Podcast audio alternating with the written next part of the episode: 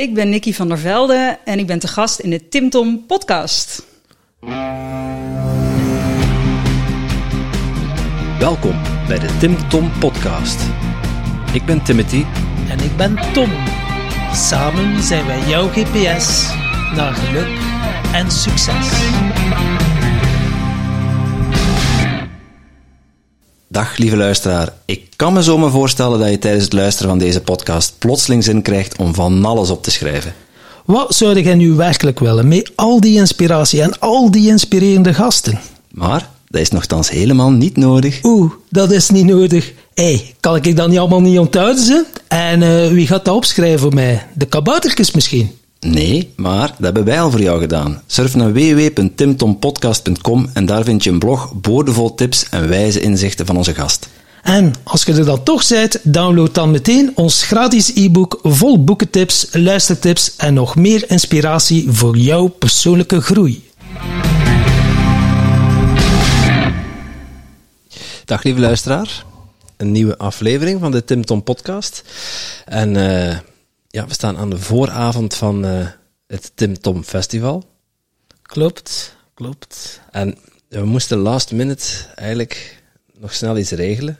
Want ja, ja wat is er gebeurd?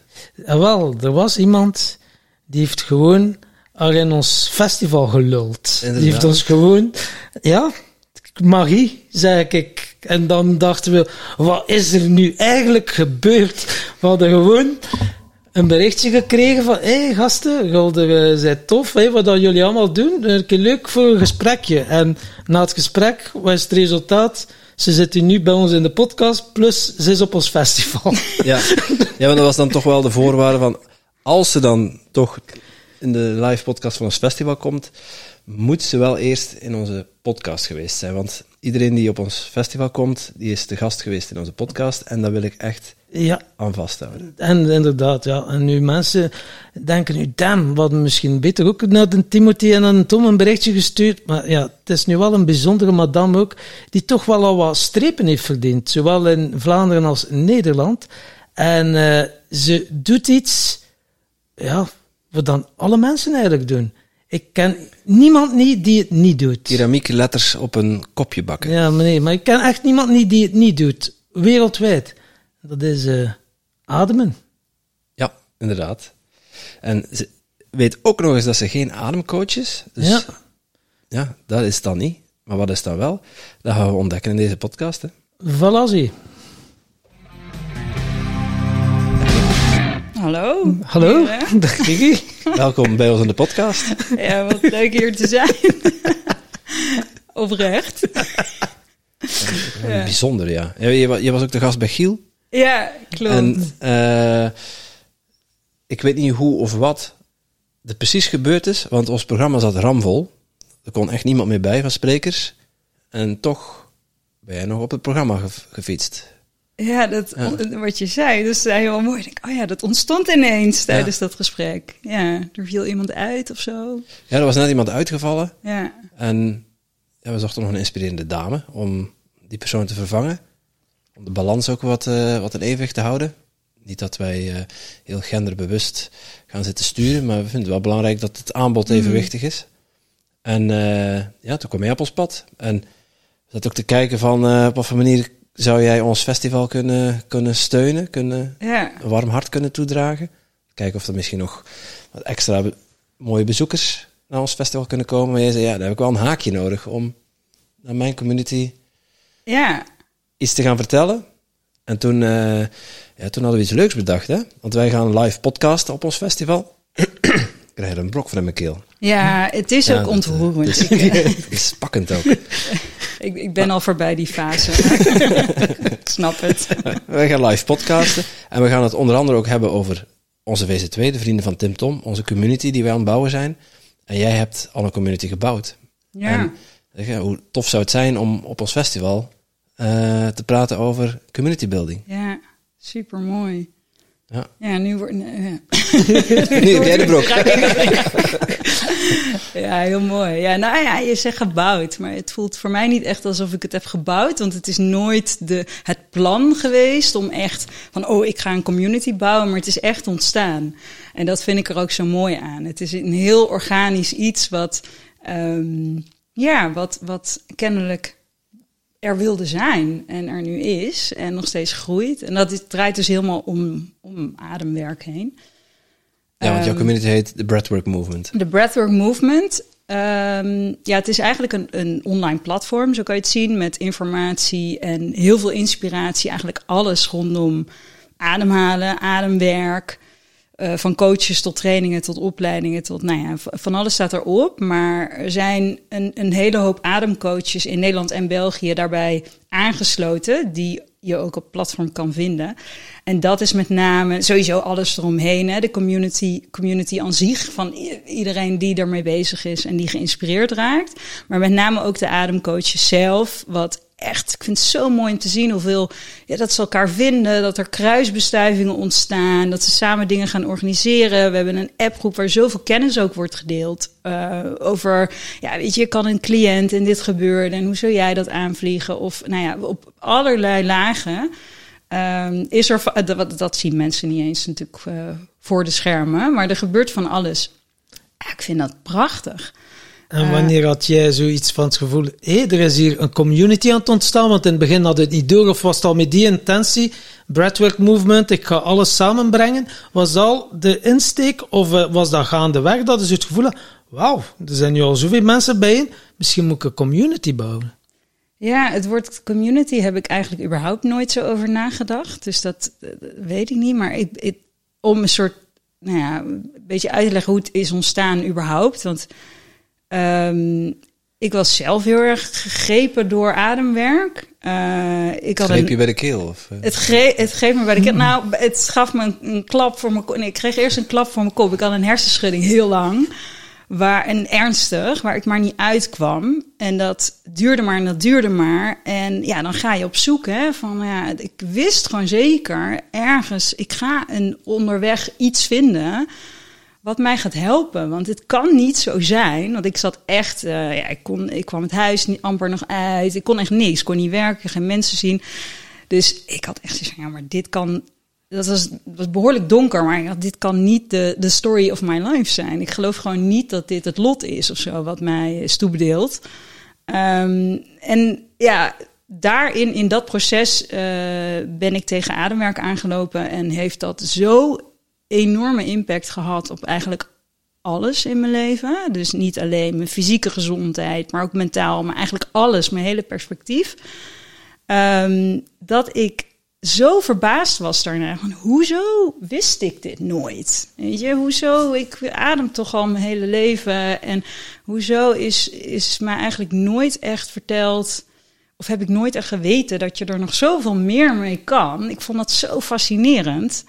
Um, en ik zat ook al, nou ja, ik denk tien jaar op yogamatjes en meditatie, weet ik veel, tiendaagse vipassana, nou ja, verzin het allemaal al gedaan. Maar nooit had ik zoiets van, nou, die adem, dat vind ik nou, daar heb ik nou echt iets mee. Ik denk, ja, ik word er wel kalm van, maar verder.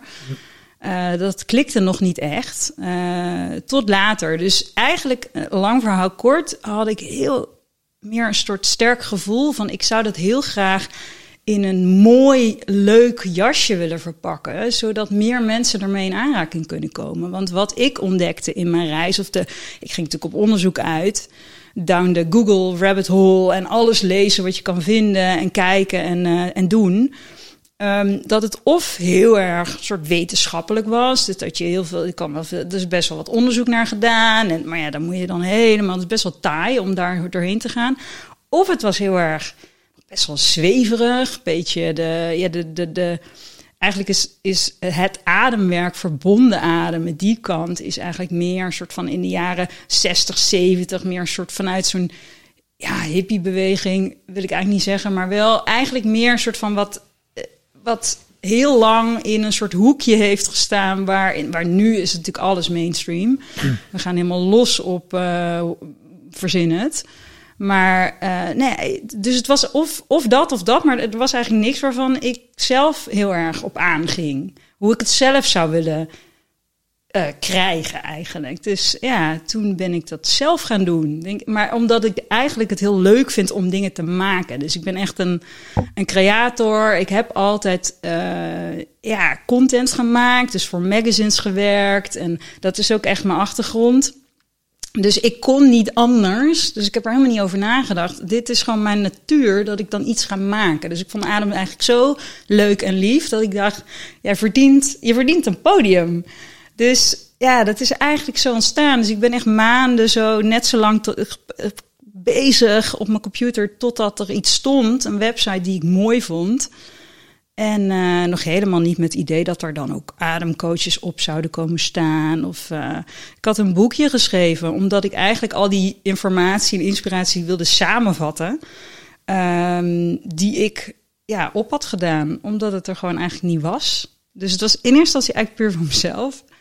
Uh, ook om het te kunnen begrijpen, want mijn hoofd, ik had een hersenschudding gehad. Het was echt breintraining ook, om echt überhaupt informatie op te kunnen nemen. Dat was echt pittig, maar ik had zoiets van, ik moet mezelf ook een, een soort stimulans geven. Ook wel echt een soort opdracht. Van ja, ik wil dat snappen. Ik wil alles snappen, maar daarvoor moet ik het zo moet ik het eigenlijk mezelf gaan leren. Dus gaan opschrijven en op zo'n manier dat ik ja, dat het dat het echt klopt. Als je het gaat opschrijven met dat idee van als een ander het leest, moet hij dat ook kunnen begrijpen. Ja, dan moet je, dan moet je het ook echt snappen. Um, nou ja, zo dus eigenlijk. Dus daar begon het. En uh, ja, dat was in het begin dat ik uh, ja, magazine maken deed ik dus altijd. Want ik nou, nu heb ik dat boekje, maar dat is statisch. Dus eigenlijk wil ik dan ook een soort online magazine. En al snel had ik zoiets van, ja, maar dit komt allemaal vanuit mij, maar ik wil, er zijn zoveel verhalen over de adem te vertellen. Laat ik anderen daar ook verhalen over vertellen. Dus toen ging ik ademcoaches benaderen. Van joh, echt bijna iedereen heeft een prachtige hero's journey. Uh, van ja, een crisis en dan ga je op zoek, wat ik dus ook had. En dan op een gegeven moment vind je iets. En bijna alle ademcoaches hebben een prachtig verhaal. Want die komen niet voor niks. Het is niet zo dat je op je achttiende denkt... nou, wat zal ik eens gaan worden? Ademcoach. er zijn er heel weinig. Die zijn er, maar die zijn echt wel schaars. Dus meestal is het op latere leeftijd dat je ergens tegenaan loopt... of in een burn-out belandt, dat je dan gaat... Ja, dingen ontdekt zoals dat gaat. Hè? En dan in dit geval gaan ze ademwerk doorgeven, omdat dat is... Uh, ja, de oog heeft geopend, maar ja, dat kan van alles zijn natuurlijk, uh, waar je maar tegenaan kan lopen. Dus ja, ja uh, lang verhaal, maar zo, zo is dat stapje voor stapje uh, ontstaan zonder dat ik ooit. Um, ik had een gevoel, ik had een visie en het, ik heb het niet voor niks de breathwork movement genoemd, omdat ik heel erg voelde van, oh, dit ademwerk, dat wordt zo groot. Dat was toen nog, en toen, ik heb drie jaar geleden gestart. Het is de afgelopen jaren natuurlijk sowieso veel groter geworden, maar ja, ik voelde ook echt van, ik mag een beweging starten dat mensen dat ja, mogen weten. Het, het, het, is geen geheim, maar je moet het wel weten. Je moet het ervaren. En hoe krijg je mensen zover om het te gaan ervaren? Want de meeste, ja, ik heb nu nog steeds mensen in mijn omgeving die zeggen, ja, het zal allemaal wel. En mijn hoofd zegt dat ook nog steeds af en toe tegen mij. Van ja, als ik weer te veel in mijn hoofd zit, ja, maar dat ademen kan toch niet werken? Haha. Dat is echt nog steeds zo'n stemmetje, terwijl ik weet en al uren, uren, uren, duizenden uren ervaring heb. Maar toch, ja, die mind is natuurlijk altijd heel sterk. En hoe heeft dus- dan het uh, ademen jou geholpen bij die hersenschudding? Dan had je, hè, dus ik hoor je zeggen, die hersenschudding, dan kwam ademen op je pad? Of had je een ademcoach? Of ben je dan per ongeluk beginnen... Uh, speciaal beginnen ademen? Ja, eigenlijk per ongeluk. Nou, ik werd er wel in begeleid, uh, maar het was per ongeluk. Want het enige wat ik zo'n beetje wel kon, elke dag in die periode, was... Ik woonde toen in Amsterdam. En ik had zo'n unlimited pasje om naar alle yoga- en sportscholen te gaan. En dat lukte me. Dus uh, ik ging elke dag wel naar de yogaschool en volgde dan alle yoga- en meditatielessen en zo. Om maar gewoon een beetje kalm te worden. En toen kwam ik op een dag in de yogaschool. En ik dacht dat ik me voor een yogales had ingeschreven. Maar dat was dus een les WHM. Uh, Wim, Wim, Hof met het. Maar ja, ik had daar wel uh, van gehoord en zo. Maar ik dacht, ja, dat is die gek die alleen maar in ijsbaden zit. Mij niet gezien, want ik had helemaal niks met de kou. Um, dus ja, ik had daar eigenlijk nooit echt naar gekeken. Ik vond, dat trok me niet aan. Uh, maar ja, ik was daar. Ik had me daarvoor ingeschreven. Het kostte me een tientje om niet te gaan. Uh, dus ik dacht, oké, nou, dat ging er niet eens om. Maar ik dacht, ja, ik ben er nu, dus laat ik het maar doen.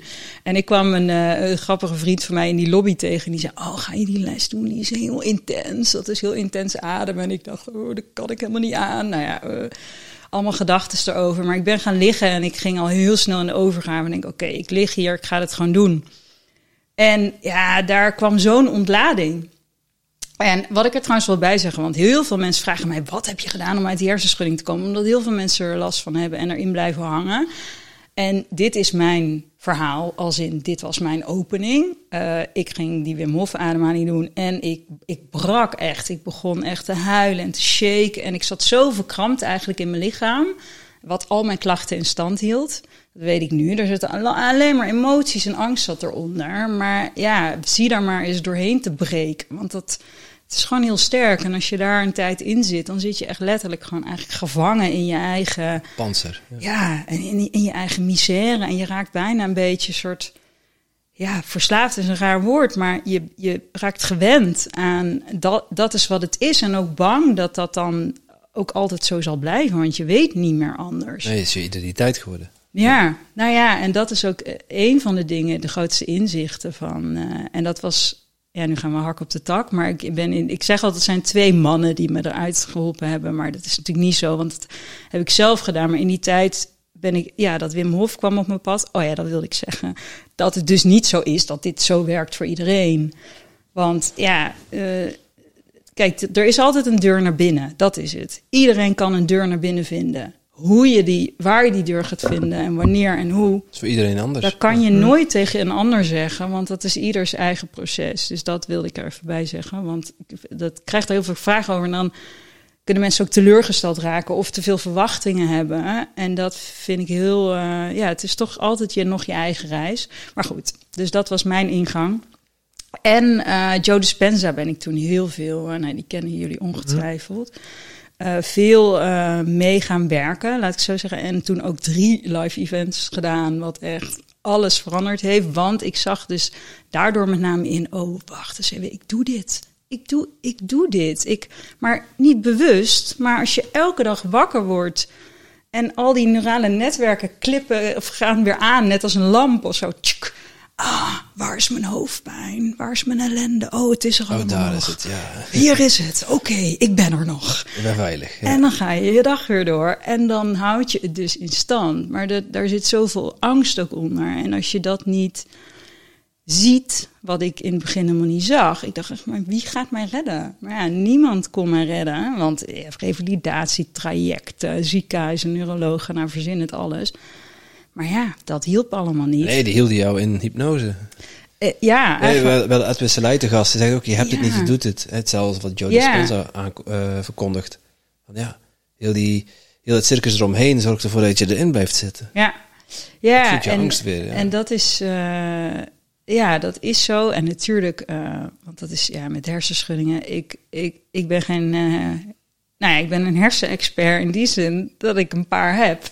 en, en dat ik er wij, heel veel mee ben gaan werken. dus ik, eh, ik ben wel net zo lang eh, mijn brein letterlijk gaan trainen en gaan heropvoeden, totdat het anders ging denken. Ehm, en dat heeft geholpen. En totdat ik het uit kon zetten ook. Want dat met name, als je in zo'n loop van gedachten zit en gelooft in die gedachten inderdaad. Van wat, eh, wat artsen je vertellen. Of, ehm, en ik, maar ja, wat ik eigenlijk ook wil zeggen is, soms is er ook gewoon fysiek iets niet goed. Hè? Maar ik, het is niet zo dat ik, ik heb geen hersenbloeding gehad. Of ik heb geen, er is, dat is vaak met zo'n hersenschudding wat ik heb gehad. Dat is dat kan heel heftig zijn. Neem voldoende rust en dan gaat het wel over. Dat is het advies. Maar ik wist niet wat rust was. En dat is iets wat ik heb moeten gaan leren. Van ja, wat is dan rust? En rust is niet zomaar even lekker s'avonds op de bank zitten. Als jij ondertussen alleen maar een soort angstgedachten hebt. of aan, maken, van, ja. hoe moet dat nou? En kom ik er ooit nog uit? Dan, dan heb je dus intern gewoon nooit rust. En dat is wel eh, ja, een eh, soort patroon waar je dan doorheen mag gaan breken. En, eh, ja. En je zei van, eh, dan heb ik eh, mijn eh, brein getraind. We hebben dat om anders te gaan denken, anders te gaan doen. Neem ons een keer mee. Hoe train je je brein om uh, patronen te doorbreken? Ja. Want dat is wel boeiend. Hey, voor veel luisteraars, denk ik. Ja, nou, ja, wat ik al zei, ik, dat, mijn ingang daarin was, was dat werk van Joe Dispenza. En ook daarvan zeg ik, ja, we gaan niet nou aan die man hangen. Maar dat was wat mijn ogen in ieder geval openen. Um, ik wilde heel graag, nou, om daarmee te beginnen, ik wilde heel graag mijn gedachten uitzetten. Dat wilde ik al jaren. Dat was mijn soort ultieme life goal. Ik wil mijn gedachten kunnen uitzetten, want ik werd er gek van.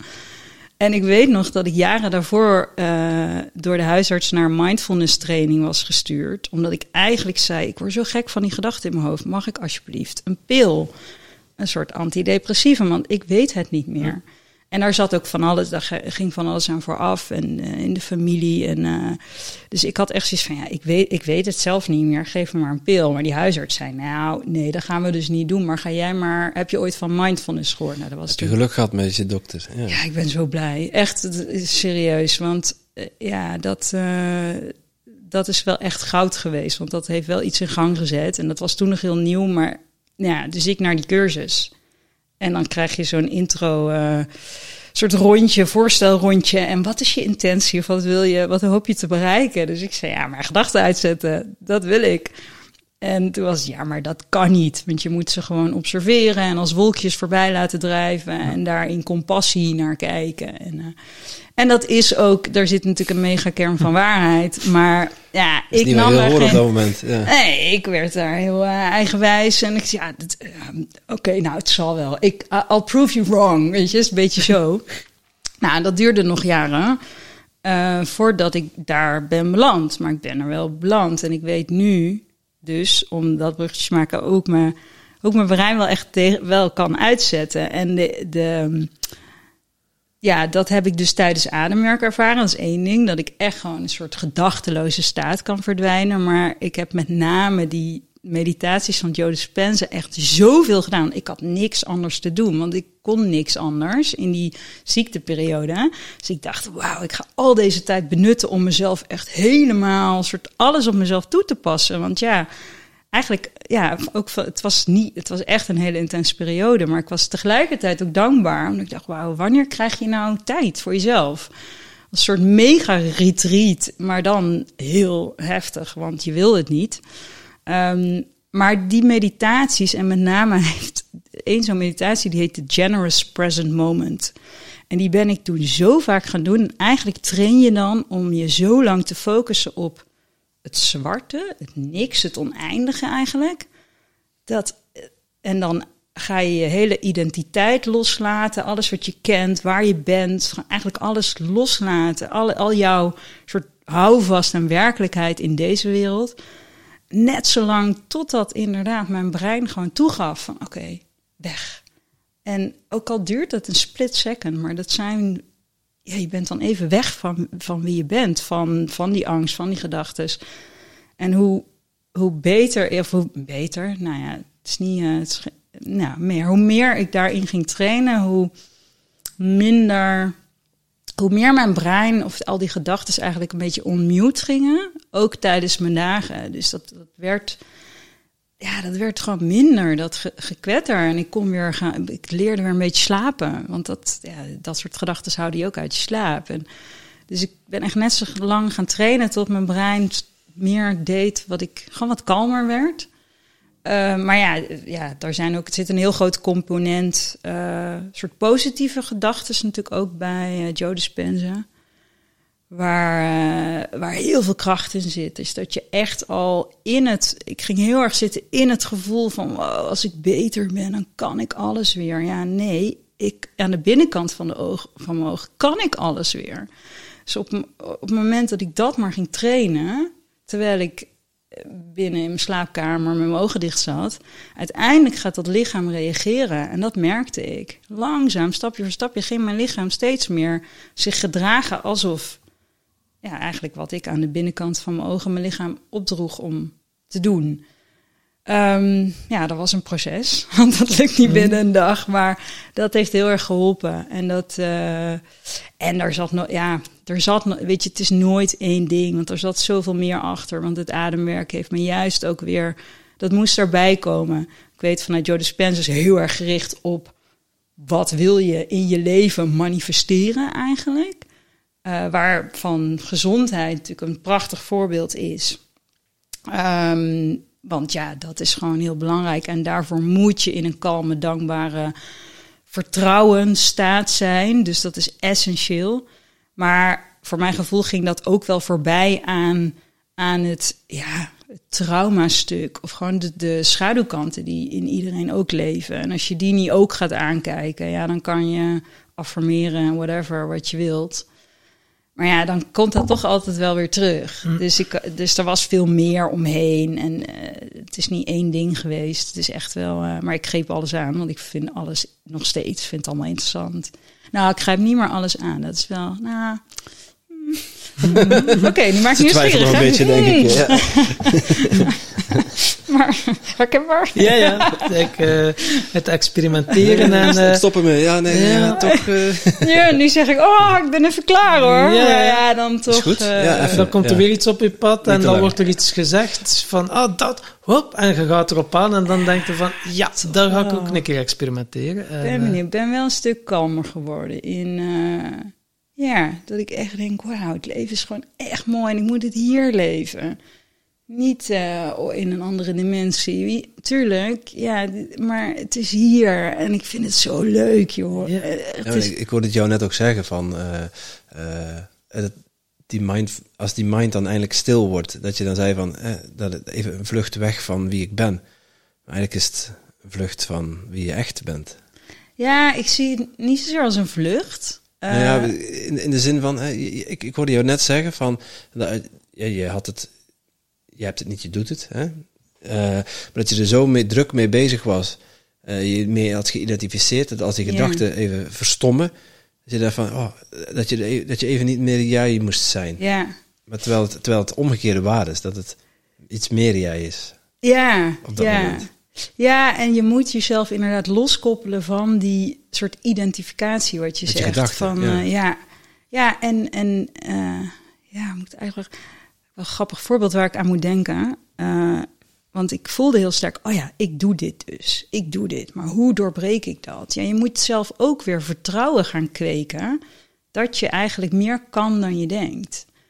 Ehm, maar ja, je bent ook nog een soort herstellende. Dus het lichaam is gewoon helemaal van de leg. Dus je kan ook niet ineens, ik zeg maar wat, een marathon gaan rennen of zo. Nou, misschien kan dat, maar je begrijpt wat ik bedoel. Je, er is ook een soort van grens aan, aan je kunnen. Ja. Maar je moet jezelf wel zetjes geven. Dus het is continu een soort zoeken naar balans.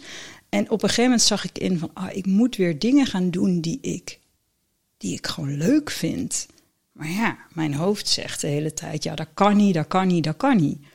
Dus ik, ik zeg, nou ja, wat vind ik heel leuk? Nou, ik vind het heel leuk om in mijn eentje een weekend ergens naar een stad te gaan en dan gewoon wel te zien en gewoon een beetje rond te banjeren en naar musea en kroegjes. En dat vind ik gewoon leuk, want dan moet ik mensen. Maar ja, dat kon natuurlijk allemaal niet, want ik kon helemaal niks. Ik was alleen maar overprikkeld. eh dacht ik doe het toch. En ik ben toen eerst een weekend naar Leeuwarden gegaan, was ik nog nooit geweest. All places. Ja. Ja, ik dacht, nou, ik ga gewoon in de trein zitten. Het was echt de hel, want het was echt... Het Gewoon was, lang trainen. ja, nou, vanuit Amsterdam. Dat valt nog ja, mee. Nou, was nog steeds lang. Maar, ehm, en dat was heel intens. En eigenlijk dacht ik, oh mijn god, wat doe ik? Wat doe ik mezelf aan? Want ik kon echt niks. Maar toch, ook al lag ik elke avond daar om zeven uur in mijn hotelbedje, maakte me niet uit. Ik had het wel gedaan. En dat zorgde toch al voor een soort Hmm. omslag. van, Baby ah, steps. Ja. toch gedaan. En toen daarna dacht ik, ah, ik ga naar Antwerpen. Grappig, daar woon ik nu. Maar dat, eh, toen ben ik naar Antwerpen gegaan en toen was ik al iets verder. En toen liep ik voorbij een kroegje. En ik dacht, oh, mijn oude zelf of mijn nieuwe zelf, die zou zo graag nu dat kroegje instappen, aan de bar gaan zitten, een glaasje wijn bestellen en dan lekker ouwe hoeren met iedereen die hier aan die bar zit. Want dat vind ik leuk. Maar ja, dat kan niet, dat kan niet, dat kan niet. En dan dacht ik, oké, nou, ik, ja, weet je, wat is het ergste wat er kan gebeuren? Dat ik morgen me niet zo goed voel. Nou, ik voel me vandaag ook niet goed. Dus wat maakt het uit? Dus toen heb ik het, nee, voelt hem al aankomen, ik heb het toch gedaan. En dat ehm, is zo'n prachtige, leuke avond geworden. Waarin ik dus, om dat haakje te maken, vergat dat ik een hersenschudding had. Ik vergat het gewoon. Die identificatie daarmee was even weg. En als je het niet meer weet, als, je, als, als dat weg is, dan kan je dus ineens alles weer. Want dan zijn die, die klachten waren ook gewoon even weg. En dat vond ik zo magisch. Dat heeft me zo'n inzicht gegeven van, ah, nu heb ik ook nog eens het bewijs. Want je kan wel van iemand horen. Ik kan me ook voorstellen als Edwin Selei inderdaad zegt, ja, je, je bent er niet, je doet het. Ja, dat, kan, dat zorgt voor weerstand bij heel veel mensen. Hè? En bij mij ook in die tijd. Provoceren maar ja, kan die wel. Wat denk je? Nou, dan moet jij eens eh, mijn klachten ervaren. ja. Weet je, dat is heel complex. Dus het is echt, het, het is uiteindelijk net zo lang gaan ervaren. Tot de- want die ervaring leert je het pas echt. Want ja, ik, ja, ik hoopte wel, eh, ik, ik, ik begreep wel dat het zo was. Maar ja, het niet belichamen nog. Dus het was heel complex. Ik denk, ja, ja, daar zit wel iets in. Maar hoe dan? Hoe kom ik hieruit? Hoe kom ik hieruit? Nou ja, dat, eh, van allerlei dingen dus. eh, die daaraan hebben bijgedragen. Maar ja, dat, dat echt dat brein opvoeden en jezelf dus echt wel zetjes geven en uit die comfortzone trekken. Om vervolgens te ervaren van, oh wow, het is echt waar. Ik kan dus veel meer dan ik denk. Waardoor je dus meer vertrouwen krijgt voor alles wat je daarna gaat doen. Dus het is, ja, je gaat dan ineens weer op een ladder omhoog in plaats van in, eh in Ja, de want shithole. Elke blijf je zo focussen wat Edwin Selei, een van zijn zinnetjes is er zo, een probleem is pas een probleem als je alles weglaat wat niet het probleem is. Mm. En als je er dieper over nadenkt, ja, dan schiet er enkel nog het probleem over. Maar er is nog zoveel meer. Dus bij u schiet nog enkel de hersenschudding over. Maar al het andere wat dan niet de hersenschudding is, heb je allemaal weggelaten. Ja, En eh, dat is heel boeiend, vind ik. Door er op die manier naar te kijken. Want er is zoveel in de ether, alles. Maar als wij ons dan focussen op één ding, is dat er wat dat er nog is. En al het andere heb je weggelaten. Ja. Ja. Dus hoe train je je brein? Ja. Gewoon een wildvreemde stad bezoeken. En daar naar een kroegje gaan en een wijntje bestellen aan de bar. En met iedereen horen die daar ook zit. Ja, zo heb ik het gedaan. Oké, Voilà, die end. ja. Ja. Ja. Ja, grappig. Nou ja, dat is wel wat ik mensen adviseer. Niet gaan naar een kroegje, maar ja, wel als je dat ook leuk vindt, doe dat vooral. Nee, gewoon, weet je, en dat ik, ik hoorde mezelf denken toen ik voor dat kroegje stond. Denk, ja, dat kan toch niet. Wat zullen ze thuis wel niet denken? Ik kan niet werken. Ik voelde me alleen maar schuldig. Er zaten heel veel patronen en lagen en diep gewortelde overtuigingen onder die ik allemaal moest aankijken. Want ja, en toen dacht ik, oh ja, maar niemand kent mij hier. Ik ben hier anoniem. Fuck it, weet je. En dat is zo suf eigenlijk als ik erover nadenk. Maar ik merk dat ik heb daarna heel veel mensen gesproken. En toen ook in die tijd. Maar eh, die ook in dit schuitje zitten of zaten.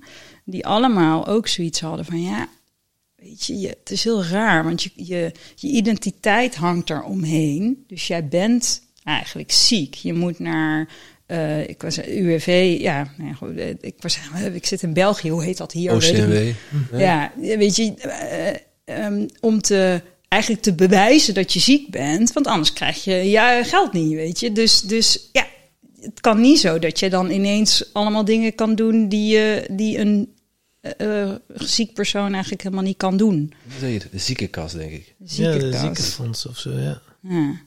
Dus dat is best wel een, eh, een, eh, een complex. Ja, dan moet je niet met bonnetjes Ding. afkomen van de, van de kroeg, nee. Nee, ja, dat kan dan niet of zo, weet je wel. Terwijl, ehm, ja, Toch helpt het bij herstel. Ja. ja, het, ja, inderdaad, ga een keer goed los. Nee, maar voor jou was het het doorbreken van, van de belemmerende het- overtuiging van ik kan dit niet, hè? Ja, Trek het het belachelijke. En dat zijn meer dingen. En dat eh, ga vooral ook lekker in een ijsbad zitten en al die leuke dingen doen.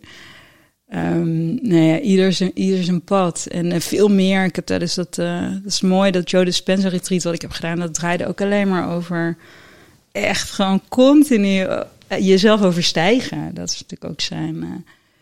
op de meest bizarre manieren. Ik moest daar echt een hoogwerker in klimmen en daar afspringen. En oh mijn god, ik heb daar echt wel heel, heel heftig. Zo kom je in die hersenschudding natuurlijk. Ja, ging er weer in. ik was bijna eruit. nou, dat ging net goed. Het was ja, mooie dingen. Dat soort, ja, weet je, er zijn. eh, ik ben heel erg, dat is wel. Ik ben nu heel erg, ehm, moet ik zeggen, een aantal jaar verder en zie in van. Het gaat eigenlijk alleen maar om teruggaan naar jezelf en naar jouw gevoel. En naar die waarheid die in jou zit. Ehm, los van al die overtuigingen en die gedachten. En, en daar, als je daar kan zijn, dan weet je precies wat goed voor je is en wat voor je werkt. Ehm, dus ja, dat is eigenlijk de zoektocht. En dan volgt het herstel vanzelf. Ja, dat is in de meeste gevallen. Als je niet. eh, Ja, ik vind het ook wel mooi dat je dat aangeeft van... eh, het is niet omdat je het inzicht hebt dat je... eh, hè, dat je erachter komt dat je die hersenschudding doet. Natuurlijk, hè, dat, dat trauma, ja, dat is ergens al, al...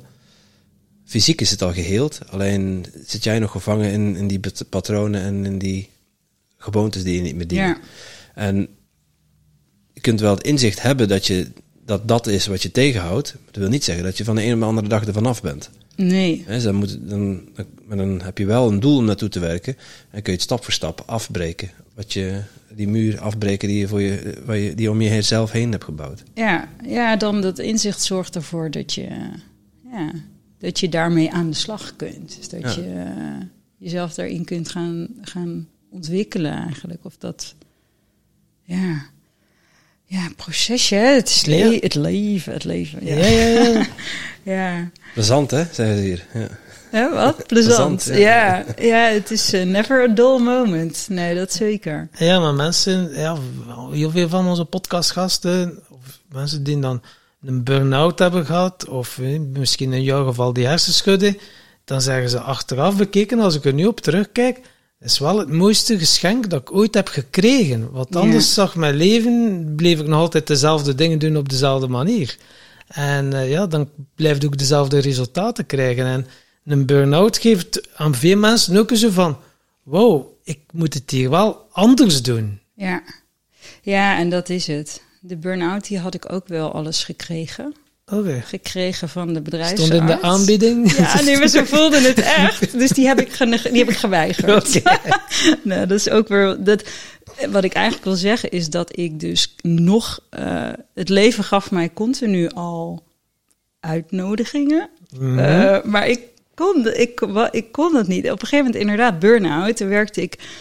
Ja, ik werkte voor een social media bureau en ik ging maar door, door, door. Ik vond het ook echt super leuk, mijn werk. En eh, ja, eh, Wel of niet? ja, wel. Wel, ik ja. vond het echt heel leuk om te doen. Ik vond, eh er zat heel veel stress om me heen en heel veel ellebogenwerk en gedoe en politiek en zo. Dus dat vond ik verschrikkelijk. En ik was ook heel... Ik was altijd soort van gestrest en aan, maar ik was ook heel goed in mijn werk. Dus ik kreeg ook heel veel... Soort, werd de hele dag adrenaline, dopamine, de hele dag. Dus ik was er... En op een gegeven moment wist ik... eh, eh, dacht, wist ik, oh, dit gaat dit gaat niet goed, joh. Ik moet even een dag thuis blijven. Maar dat zou ik nooit zeggen. Dus ik stond echt zo al met mijn jas aan, met mijn hand op de klink. Ik zei, oh, ga niet, ik moet even bellen. Ik ga bellen. Nee, ik kan er niet bellen. Nou, ik kan nog wel. En dus eigenlijk was het al zo maanden aan de gang van, ah, ik kan niet meer, kan niet meer. Dus toen ik belde, gingen eigenlijk meteen daar de alarmbellen aan. En eh, nou, blijf jij maar even een week thuis. Ik zei, een week thuis? Nee, maar ik ben er morgen weer. Ik moet even bijkomen. Ik, eh, oh. Herkenbaar. Ja. Ehm, nou ja, en toen bleef ik dus een week thuis. En toen dacht ik, ah, ja, ik kan niet meer terug. Want dan ben je eenmaal door die... Dan, oh ja, oké, weet je wel. Dan, eh, mm. Maar toen was ik eigenlijk al vrij snel bij die bedrijfsarts komen. En die zei, ja, je hebt een burn-out. En we gaan jou zo snel mogelijk terugbrengen naar de werkvloer. Dat is mijn werkwijze. Dus dat gaan we doen. Ik ga nooit meer terug naar die werkvloer. Dat ga ik niet meer doen. Ik moet even, ik moet, ik heb maanden nodig om even met een afstand te kunnen kijken naar de situatie en te voelen of ik überhaupt nog wel die wereld in wil. Ik weet het niet meer. Maar ik ga niet terug. Ja, al ga je maar de planten water geven. Ik zei, no way. Ik, dat ging, dus ik zei, nee, nee, ik ga dat niet doen. Eh, ik zeg op. En dat is, nou ja, dat, dat heb ik wel vaker gedaan. En dat is ook een advies wat ik niemand geef. Maar ik ben nogal dan van, nee, dit voelt niet goed.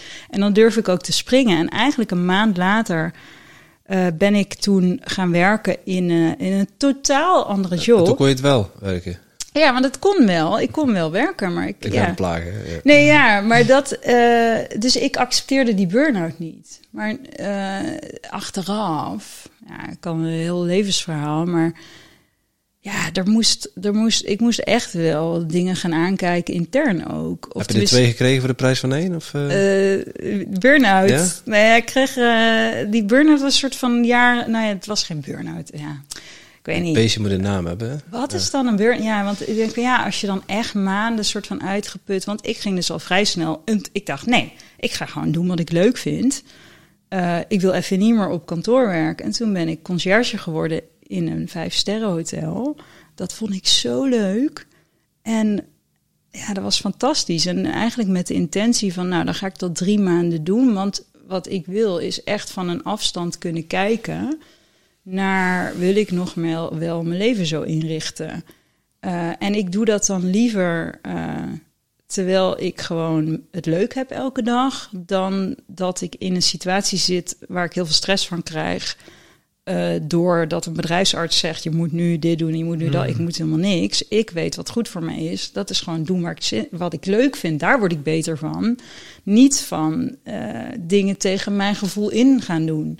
Dus ik heb dat met die hersenschudding trouwens ook zo gedaan. Ben ik ook weer even in een hotel gaan werken. Eh, puur omdat. En dat kon eigenlijk. Ja, kon niet. Kon dus wel. Eh, maar het was wel heel zwaar. Want ik was daar nog niet klaar voor.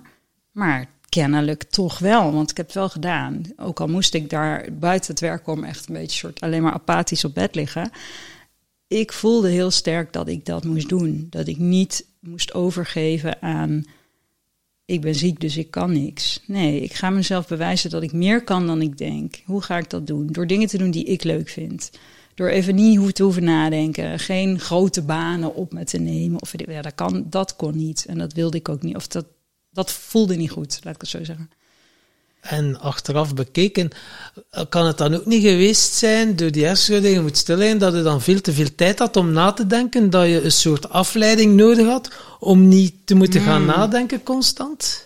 Ja, tijdens die hersenschudding. Ja. Ja, omdat je zegt, ja, ik wil werken in een hotel, want omdat je zo bang was, oeh, als ik nu alleen in die zetel, dan blijf ik maar in Ja. mijn hoofd zitten. Klopt, maar dat was wel echt later. Dat was een jaar later. Dus toen kon ik wel weer een beetje naar buiten. En dat daar begon ik mee nadat ik eh, zo'n week eh, bij Joe Dispenza had gedaan. Daar heb ik zoveel vertrouwen gewonnen. En zoveel, zoveel ja, ik kwam er als een ander mens weer uit. Ik leefde weer. Dat kon ik in het begin niet. Toen was het echt, eh, ik was helemaal op. En eigenlijk, want de huisarts zei in die periode, heb je niet gewoon een burn-out? Gewoon een burn-out. Alsof dat zo gewoon is. Ja, het is gewoon, want iedereen krijgt er toch een. Eh, en toen werd ik heel boos. Nee, ik heb toch mijn hoofd gestoten. Ik heb toch geen burn-out. Ik krijg toch geen burn-out van mijn hoofd stoten. Maar eigenlijk, ja, het komt erop neer dat jij jouw zenuwstelsel volledig overbelast. Want ik kreeg heel veel stress van die her- hersenschudding. En dat is uiteindelijk het grote inzicht. Dat is wat er met iedereen gebeurt die er eigenlijk in blijft hangen. Er gebeurt zoveel bewust en onbewust in jouw angstcentrum. Want het Ja. is zo wezenlijk. Ja, je had de eerste keer ook niet de lessen geleerd die je moest leren Nee, om met, met, een andere, met die situatie op andere voorwaarden om te gaan. ja. Ja, dan het, krijg je toch weer op een andere manier van je het leven moest mij nog een keer Ja. uit, maar dan echt het universum eh, op een andere manier jou uit moeten schakelen. Want een burn-out is niet zwaar genoeg voor je. Nee, nee, precies. Ja, dat, dat bedoelde ik inderdaad. Eh, ja, daar, daar, daarom kwam ik erop. Ik had echt iets, eh, ja, een- een- toch een ander soort, letterlijk een klap nodig. Om wel, om zo uitgeschakeld te zijn. Want ik ging dus nog steeds door. Ik ben er Wat best is er precies buiten. gebeurd? Want dat, daar ben ik ook wel benieuwd naar. Eh, oh, die hersenschudding. Ja, heel ehm, eigenlijk een niks, of ja, ogenschijnlijk eh, stom ongelukje. Ik was op een kantoor en dat was een, in een kelder of in een souterrain. En daar hadden ze een verlaagd plafond van beton en daar liep ik tegenaan. En er was eigenlijk, behalve dan dat ik echt voelde van, oeh, dit is niet goed. Echt zo. Maar het is niet zo dat ik een wond had of zo. En ik ben ook niet, eh, ik ben ook niet oud geweest. Ehm, sterker nog, dat was op een vrijdagmiddag. En ik had die middag, het was mooi weer, het was in juni. Mijn be- beste vriendin was over uit Londen. We gingen gewoon gezellig naar een terrasje en uit eten. En ik heb dat gewoon gedaan. Ook al was ik helemaal duizelig en had ik hoofdpijn.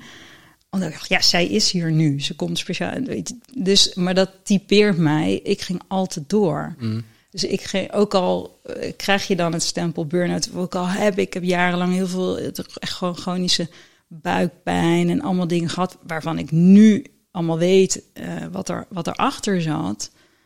Ehm, maar ik ging door. Ik wist niet anders dan doorgaan, want ja, je moet toch gewoon doorgaan in je leven. Ik wist niet, ja, dat rust maar uit. Ja, hoe dan?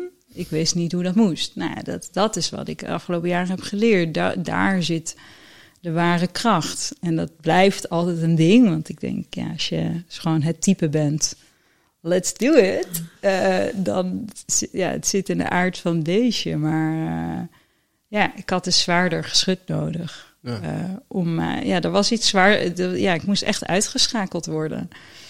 En ja, nou, ik ben dankbaar. Ja, ja, ja. ja. Je, Drie- je, je hebt je hebt een paar keer over Joe Dispenza, eh Dispenza, sorry. Eh, die heeft jou dan geholpen om, om je brein te trainen, om op een andere manier te denken, Ja, eh, om de voorwaarden voor jouw leven aan te passen en op jouw voorwaarden te gaan leven. Denk ik. ja, ja, Ik vul het even in voor je. Maar. ja. Ehm, en aan de andere kant had je het over de, de WM, of de Wim Hof methode. eh breathwork, ademwerk. Eh, ja, wij, wij hebben er ook ervaring mee, maar ik heb, ik heb hele andere ervaringen met Wim Hof dan met ademwerk. Ik vind ademwerk nog wel echt een laag dieper. Mm. Voor, we, voor we daar die diepte ingaan, eh kun je uitleggen voor onze luisteraars, hoe, hoe zou jij ademwerk omschrijven? Wat is het precies? Ja, dat is een hele goede vraag. Want inderdaad, die term die eh, slingert alle kanten op. En eigenlijk zie ik het, en dat is meteen ook het verwarrende daaraan, dat ademwerk is eigenlijk een verzamelnaam voor het bewust werken, werken met je adem. Dus bewust ademen, zo zou je het ook kunnen noemen. En in die zin zou gewoon is een ademhalingsoefening die je gewoon thuis kan doen voordat je gaat slapen. Of eh, is eigenlijk ook ademwerk, want je werkt met je adem met als doel eh, eh, je anders te voelen of een invloed te hebben op je interne systeem. Dus in die zin is ademwerk een hele brede term, maar eh, net als breathwork, ja, dat is vaak wordt daar ehm, die term gebruikt om de verbonden ademhaling mee aan te geven. Eh, waarvan Wim Hof dan soort van een vorm van is. Want het is ook natuurlijk een soort verbonden superventileren eigenlijk. Een soort eh, gecontroleerd hyperventileren. Ja. Ja, je hebt heel veel soorten en scholen hierin. Ehm, en inderdaad, ik begon met Wim Hof. En, eh, of dat was mijn, mijn ingang. Maar al vrij snel daarna dacht ik, wow, dat ademen. Toen ging ik natuurlijk helemaal down the rabbit hole. En wilde ik alles weten en vooral ook ervaren. Dus toen ben ik ook wel één op één eh, ademcoaching gaan doen. Of trajecten, ademsessies eh, in groepen. Vooral in het begin ook nog wel echt heel veel Wim Hof. Want eh, ik vond dat heel prettig. Dat haalde me echt uit mijn hoofd. Maar dat werd al, op een gegeven moment merkte ik, maar pas na een tijdje, dat het ook wel een dingetje werd. Dus, eh, en dat geef ik ook altijd wel mee. Het is zo'n, kan ook zo'n trucje worden dat je dat elke dag gaat doen, omdat je denkt dat dat zo goed is, hè? want het is hartstikke gezond voor je en la la la. Eh, is allemaal ook zo, maar uiteindelijk, en dat vind ik het mooie aan de adem, is dat het ook een manier is, de adem, een, een tool eigenlijk, of een hulpmiddel om echt te voelen, om je lichaam weer echt bewust te voelen. Want dat is iets wat ik al die jaren niet, leefde gewoon in mijn hoofd, dus dat lichaam, ja, dat negeerde ik, want dat had heel tijd pijn, was heel tijd schreeuwen. Ja, dag, ik moet door, ik moet van alles doen.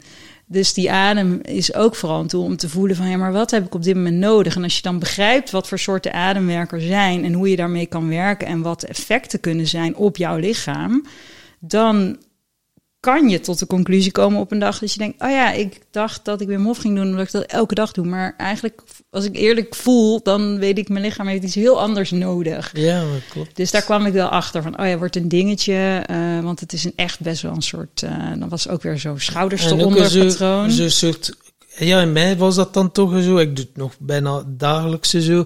Maar niet zo. Ik heb er zo wel een cyclus van meer dan 100 dagen. Maar dan, ja, daar heb ik nu ook losgelaten van, oei, ik moet nog ademen of zo. Maar op den duur zit ook met in een retentietijd.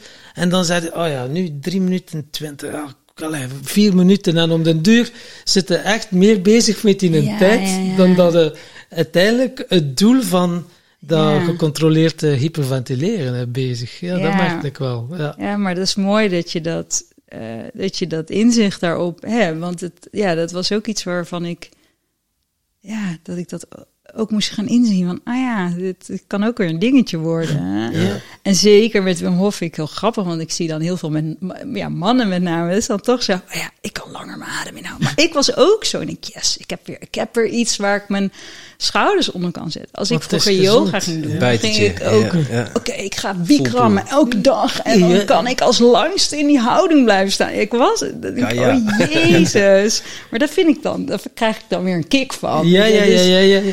ah, Ja, ja. soms word ik er zo moe van.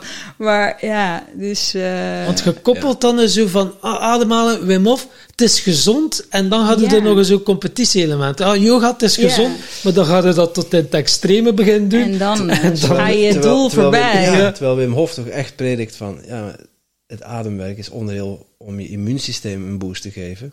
En geen doel op zich. En maak er geen wedstrijdje van. Ja, toch, Ja. ja, ja, dat is dan toch een lastige. Ja, Ja. ja. maar het is wel een, het is natuurlijk een methode. eh, en, en het heel over Wim Hof, maar ook met andere methodes. Maar een Ja, methode die je. Laten, laten we er nog een aantal beschouwen. Hè? Want ja, we hebben het over breathwork. Eh, ik, ik, ik heb ook Wim Hof gedaan. Eh, ik doe het nog af en toe.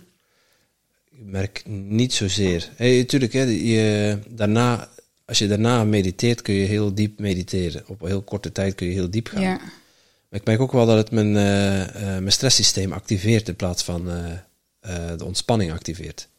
Dus het activeert. Toen ik in mijn burn-out zat, heb ik het niet gedaan. Hmm, Dat het activeerde mij juist, in plaats van dat het me eh, ontspande. En ik voelde ook lichamelijk wel dat dat niet was, dat, dat niet was wat ik nodig had. Eh, ik, ben, ik ben op mijn coaching wel, mijn ademcoach, Anne Brukker, eh, die, die heeft mij geholpen als coach met mijn burn-out. Maar op een gegeven moment voelde ik ook dat de coaching zelf me niet ging verder brengen. En ze zei, ja, ik ben ook ademcoach. Eh, en ze vroeg ook gewoon, toen ik een nieuwe sessie wou boeken, ja, wil je een gewone sessie of een ademsessie? Toen- ja, zei, eigenlijk, eigenlijk ben ik wel benieuwd naar die ademsessie. Ja.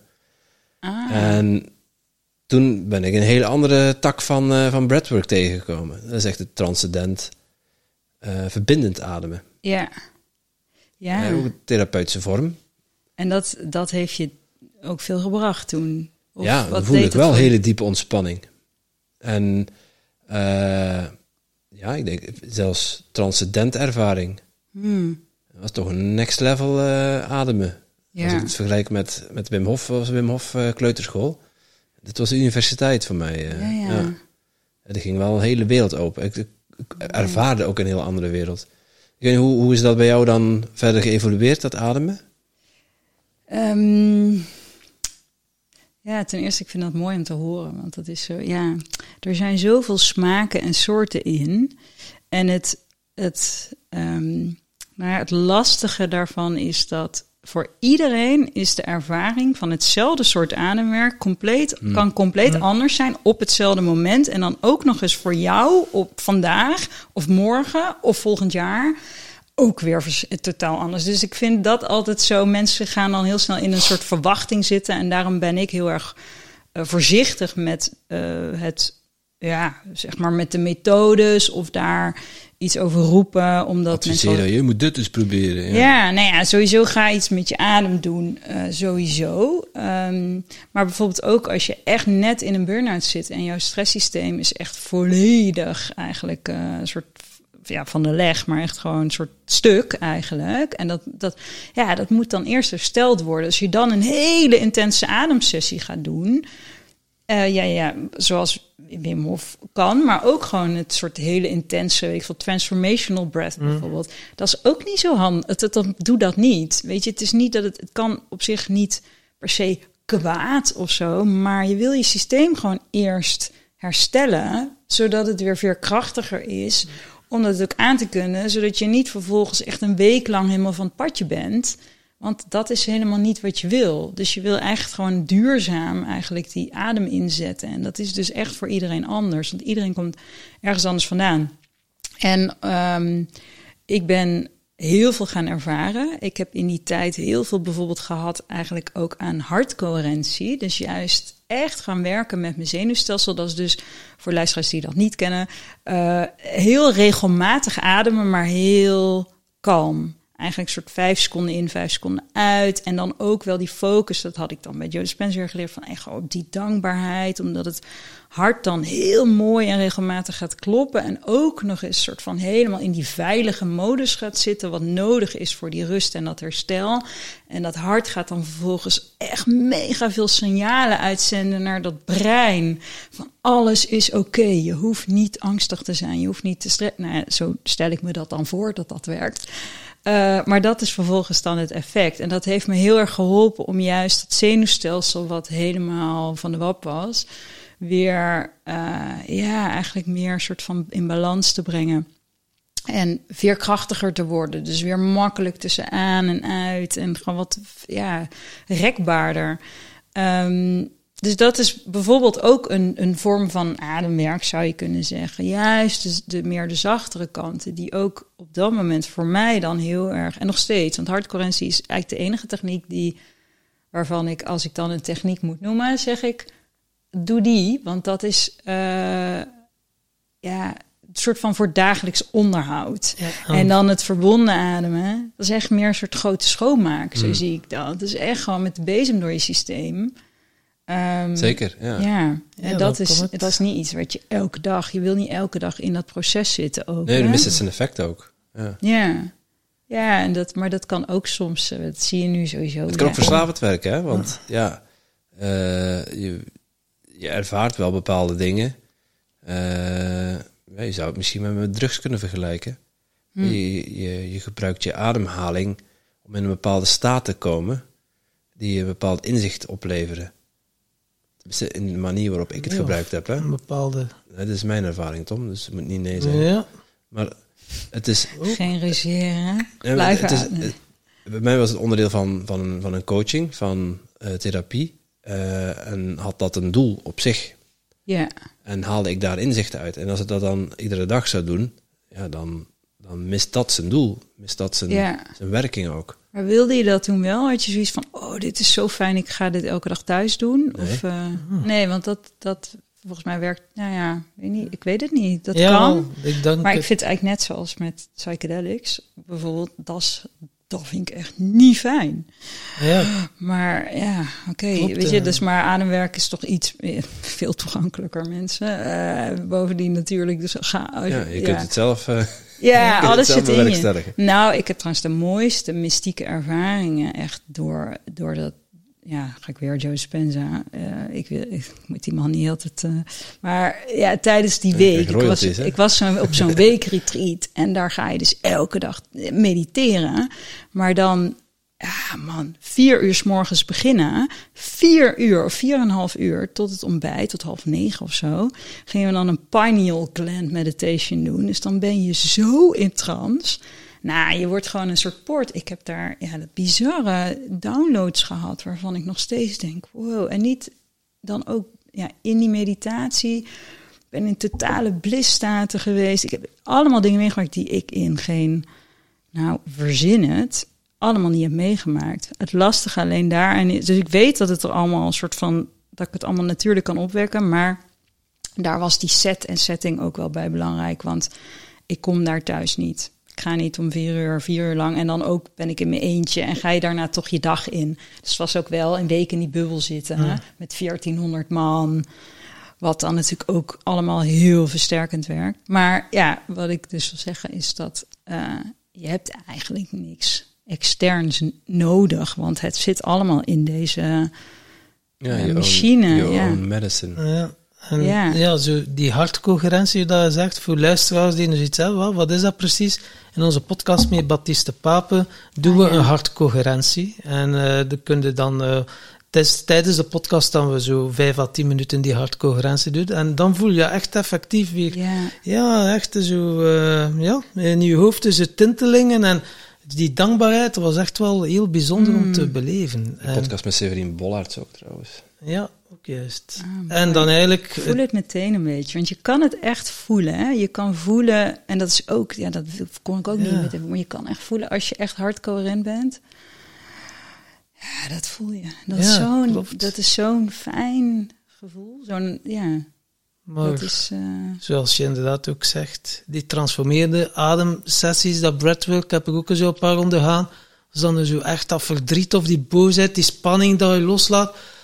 Oeh, dat is Hmm. dan niet dat ik denk van, yes, morgen terug. Heb ik dan heb in, ik er zo ja. van, eh, ja, er mag wel een paar dagen tussen zitten. En hey, ook met plantmedicijnen, als je door zo'n processen zit gegaan, ja, dan is het niet, bij drugs heb je zoiets van, oké, de volgende dag heb ik terug nodig. Ik heb genoeg aan drugs en alcohol gezeten, dat je zegt, ik heb dat nodig, ik heb dat nodig. Maar ja, bij breathwork heb ik niet dat gevoel van, ik heb dat nodig om te kunnen functioneren of zo. Ja, nee. ik weet niet hoe dat, dat voor jou is. Ja, ik vind dat wel een interessante, want ik, ik, eh, ik spreek natuurlijk met heel veel mensen hierover en dat is toch wel verschillend, want ik heb nog steeds weerstand op ademwerk. En dan kijken mensen wel eens verbaasd van, huh, jij, jij hebt het er de hele dag over en je bent er zo gepassioneerd over. Ik zeg, ja, maar ik vind het ook gewoon, van nature beweeg ik er niet graag naartoe. Want eh, ja, er zit heel veel weerstand op. ik vind het gedoe, helpt, het duurt, het, het raakt, hè, sorry, wat Stel je voor dat het je helpt. Ja. ja, nou ja, ja, maar daarvoor moet je dus wel. Dus ik vind het best wel. ehm, ja, er komen allerlei patroontjes toch Zeker. weer naar Ja, boven. Ja, het is niet, het is niet altijd even aangenaam, hè? Nee, en ik, eh, ik, daarom vond ik Wim Hof in het begin ook fijn, want dat was echt een soort quick fix. Ja. Ik ben heel eh, ongeduldig, dus ik wil gewoon meteen resultaat. Ja, ja, ja, ja. ja. Dus zo'n sessie, duurt- zo'n ademsessie duurt vaak ook lang.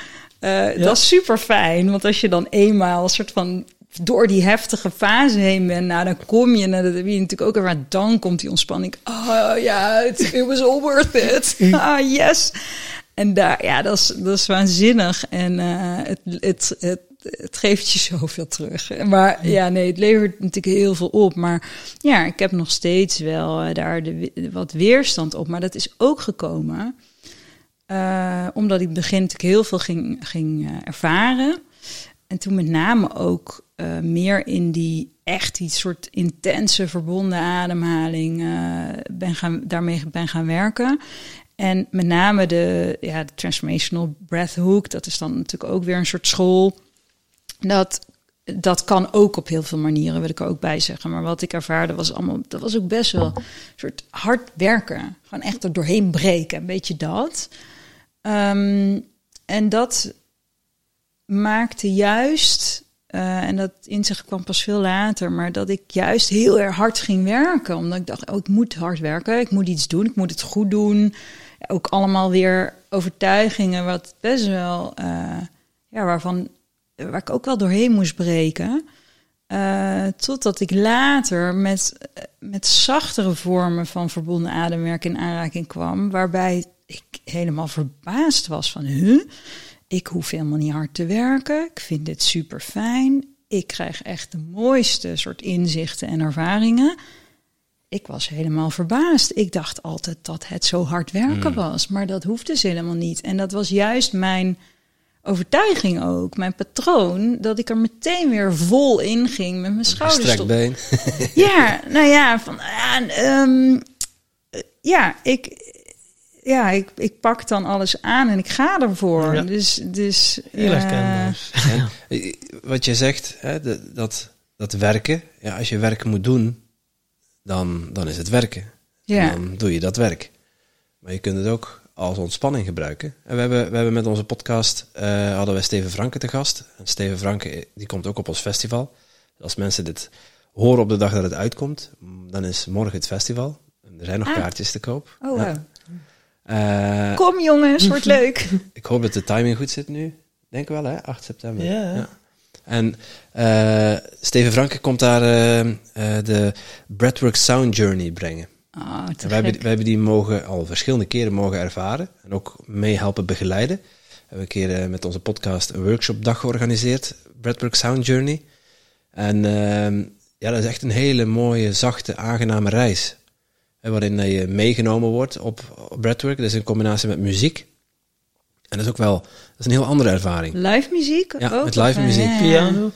Maar Wauw. Timothy, daar wil ik u wel even in onderbreken. Een aangename ervaring. Hij bouwt op, dus met piano, met een drum. En dan gaat hij, oké, nu nog drie minuten. En nu, oké, en ik tel af. 10, 9, 8, uitademen, inademen. Oké, en laat het maar los. En oké, voor de ene is dat aangenaam, maar voor de andere kan er zoveel boosheid, verdriet uitkomen. Maar achteraf is het aan. Maar de moment zelf is het ook intens. Hè. Dus twee Zeker, keren dat ja. hij werkt naar een climax. Ook, maar ja, het, het, ja, het mooie is, voordat hij hem onderscheidt van eh, veel andere breathwork coaches, is hij speelt live piano met een drum. En wij waren dan ook een hele bij, mooie begeleiders, totalervaring, ook nog met andere instrumenten. Dus het is wel een totaalbeleving. Ja, dus dat is wel een heel andere ja, Ik dimensie. eh, heb dit nog niet bij hem eh, ervaren, dus ik eh, kijk Ja. ernaar uit. ja, wel, Ja, dat gaan we Mooi. Ja, organiseren. er, wordt, er Ja. wordt heel veel moois gedaan. Ook veel crossovers gemaakt tussen verschillende, weet je, verschil, ja, verschillende disciplines. Ja, ik weet niet hoe ik het moet noemen, maar het is, kijk, de adem raakt alles. Dus de adem kan eigenlijk op alles geplot worden. Hè? En dat is natuurlijk super mooi. Ja. en ja, en weet je, als al je zin, dat sowieso met live muziek is zo. Ja, dat geeft zo'n extra dimensie. Want dat is ook echt dat, die trilling. Het gaat gewoon Hm. door je heen. Hè? Dus je bent ook, dat is fantastisch. Ja, en grappig dat jullie dan allebei zo'n, eh, weet je, dat vind ik mooi te horen, al die andere, er- eh, andere ervaringen hebben. Want dat is echt ook wat het is. De een kan helemaal in. Het is maar net wat waar je vandaan wat er in jou leeft. En dan ook nog eens op dat moment, of waar je klaar voor bent. Die adem, die, ja, die, die, die geeft je altijd wat je, ja, wat je op dat moment Nou, kennelijk ja. moet aankijken. En eh, er zijn ook, dat gebeurt ook heel vaak dat ik mensen hoor, ja, ik heb nog niet die grote doorbraak gehad. Of ik, ik zoek echt die. mm. En dat is dus ook wat je mag aankijken, want dan wordt het een doel op zich. Van, ah ja, ik wil, ik wil dat. Nee, ja, nee. Volgens mij is juist dan de uitnodiging. eh, ja, weet je, wat, wat mag je loslaten?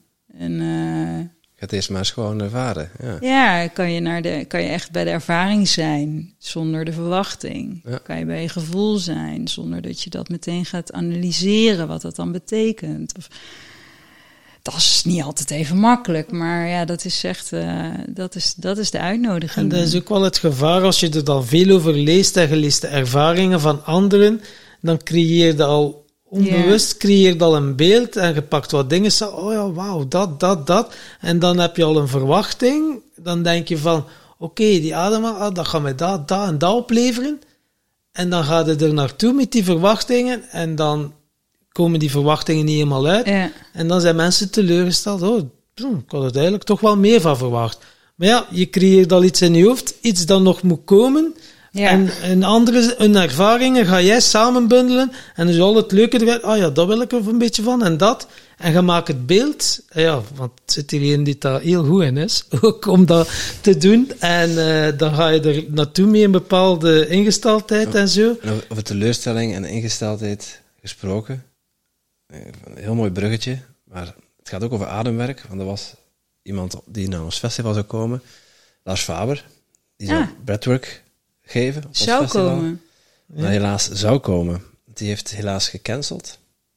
Omdat hij, ja, omwille van gezondheidsredenen, heeft hij al zijn optredens afgezegd. Ah, En in eerste instantie had hij Tim Tom Festival nog laten staan op zijn agenda, maar die heeft ons laten weten dat dat helaas ook gecanceld is. Dus eh, ah, ja, jammer. heel, heel, heel jammer. Ja. Eh, Dat is echt een teleurstelling, ook voor ons. We hadden het beeld al helemaal voor ons. Ik ook wel, want ik, eh, we zijn al de hele tijd om elkaar, La- Lars en ik, om elkaar heen aan het draaien. Of oh, ja, om elkaar heen aan het draaien, maar een soort van de hele tijd aan het mailen. Oh ja, wanneer gaan we, wanneer zien, we- wanneer gaan we afspreken? We, we hebben elkaar nog niet ontmoet. Ja. Een hele goede vriend van mij heeft net bij hem de opleiding gedaan ook. Ehm, ook wel weer leuk. eh, om dan van haar kant, eh, want ik hoor natuurlijk heel veel van coaches zelf. En het zijn ook allemaal familie en vrienden geworden, maar... eh, ja, heel mooi om dat van, ha- van haar kant heel dichtbij ook mee te maken. Dus ik eh, dacht, oh yes, op het festival zien wij elkaar sowieso. Maar We dat kunnen Ja, dat wel jammer, een keer hè. horen. Het berichtje dat hij heeft ingesproken, kan je wel horen. Dat hij echt zei, ja, hij zat, was er zo hard van in. Zegt hij, ja, ik had zelfs Young Luca afgezegd. En die en die, enkel Mm. Tim Tom Festival. Met mijn zoon, eerst breathwork en dan ecstatic dance. Maar je zit er wel bij, eh, maar als ik volgend jaar nog welkom ben, dan ben ik er wel graag volgend jaar bij. Mm. Dus, maar nu zijn gezondheid, zegt hij, wow, het ging dan ietsje beter. Maar nu voelde hij in zijn systeem, oh, hij er een paar dagen op lopen kniezen van, oh, moet ik dat... En ja, dat is nooit leuk, zo'n boodschap. eh, maar Nee. ja, het is Ja, wel... Ja, voor en dat is het hoogste goed, hè? dan moet knap. aankijken. Ja, Waar knap kies dat ik voor? dat, hij, dat hij die beslissing durft nemen, ook om Ja. dan Ja. nee te zeggen. Ja. Er Ja. zit er ook heel veel waarde, waardevol Poeh, in. dat het blijft, tenminste, het blijft voor mij altijd een moeilijk ding om nee te zeggen. Want als ik een uitnodiging krijg, dan denk eh, is er al een soort ja in mijn hoofd. Oké, leuk. Ja. Maar dat, dat, ja, dat is gewoon wel echt Dus- zo essentieel. Zeker met gezondheidsredenen, Ja, ja. maar ook gewoon... het, is eh, jammer, want het was onze, onze afsluitende act. Maar mm. ja, Nou. we, hebben, we hebben iets heel leuk anders in petto. En, eh, Ah, oké, eh, dat is wel... Ja. dat is- Ja. wordt ook heel fijn. En daaraan zie je ook van mensen die denken van oké, met ademwerk, hè, als je er expert in bent of noem maar op, dat je dan alles oplost en dat u niet meer kan eh, overvallen of eh, ziek worden. Dat is ook weer iets wat ja, heeft eh, natuurlijk, mensen moeten maar naar zijn podcast luisteren, heeft wel roofbouw gepleegd door de jaren heen. En dan ook wel, ah ja, de gewijde reis, hey, genoeg met plantmedicijnen om ook dichter bij die kern. Nu leidt hij heel veel breathwork coaches op. Ja. En je doet zelf ook nog je breathwork en doe van alles. Maar kijk, je ziet toch, ja, soms kan je lichaam, als je lichaam zegt, ho, stop, eh, nu is het moment om te rusten en niks te doen. Ja, heb je te luisteren. En je mag nog zoveel dingen weten. Ja, je lichaam spreekt altijd de waarheid. Ja, en eh, het, kijk, zolang jij leeft in dit eh, menselijke voertuigje, hè, zolang je mens bent, ja, dan, dan heb je te maken met een, eh, met een denkend brein, wat, ja, weet je, wat, je, wat, wat continu een soort, ja, strijd wil ik niet zeggen, want dat moet het niet zijn natuurlijk, maar gewoon, het is het soort eeuwige zoeken naar, naar balans en je hebt zoveel al meegemaakt en er zitten altijd, ja, je bent mens, je bent geen robot. En dat Nog is ook niet. zo mooi aan ons allemaal, vind ik. Want ja, weet je, dus dat blijft, je bent nooit af ook. En dat hoor ik ook best vaak ehm, mensen zeggen, met name echt nu een soort nieuwe jonge garde, van oh, ik moet gefixt worden. Want eh, weet je, ik moet van al die shit eh, waar ik last van heb af. Maar Ik ben helemaal niet kapot. Ja. Nee, je bent gewoon een heel mens. Eh, maar ja, daar heb ik ook even over moeten doen om dat te echt te ja. belichamen en begrijpen.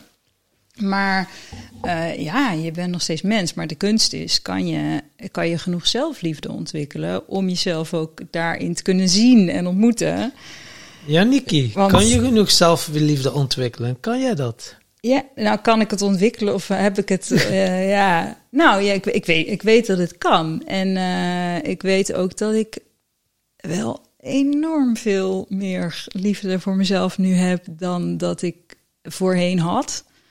Want als ik nu achteraf kijk hoe vaak ik mezelf eigenlijk eh, continu aan het afwijzen was, of mijn gevoel aan het afwijzen was, of vond dat ik gewoon maar door moest gaan, of eigenlijk altijd over grenzen heen ging omdat ik niet anders wist hoe dat dan zou moeten, of eh, nou ja.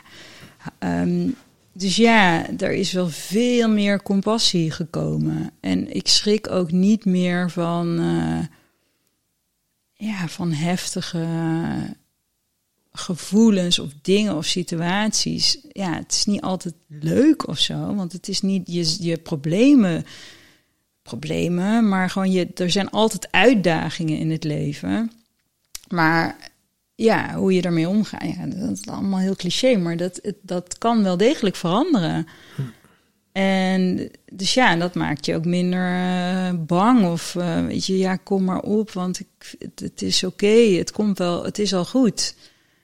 Eh, maar ja, dat wil niet zeggen dat je niet meer geraakt wordt door dingen of dat je niet meer getriggerd wordt door dingen. Dat zal altijd zo zijn. En dan zit daar ook weer iets, eh, ja, soms is het ook gewoon even heel erg shit. Ja. Eh, maar ik merk wel over de jaren heen, en het zal ongetwijfeld ook wel een stukje ouder worden. Ik weet niet hoe dat voor jullie is, maar dat je toch, dat je denkt, ja, op een gegeven moment weet je ook niet meer waar je het aan kan. Tuurlijk, je bent jezelf aan het ontwikkelen, maar je wordt ook gewoon wat kalmer en wat ouder. En dat, dat, dat is een soort, dat gaat natuurlijk samen. Ja, en er zijn ook veel mensen die, die zichzelf niet ontwikkelen en ouder worden. En Hmm. nu niet per se. Ja, dat is wel waar. Dat is zeker waar. Ik denk dat het ook vooral is zo'n beetje...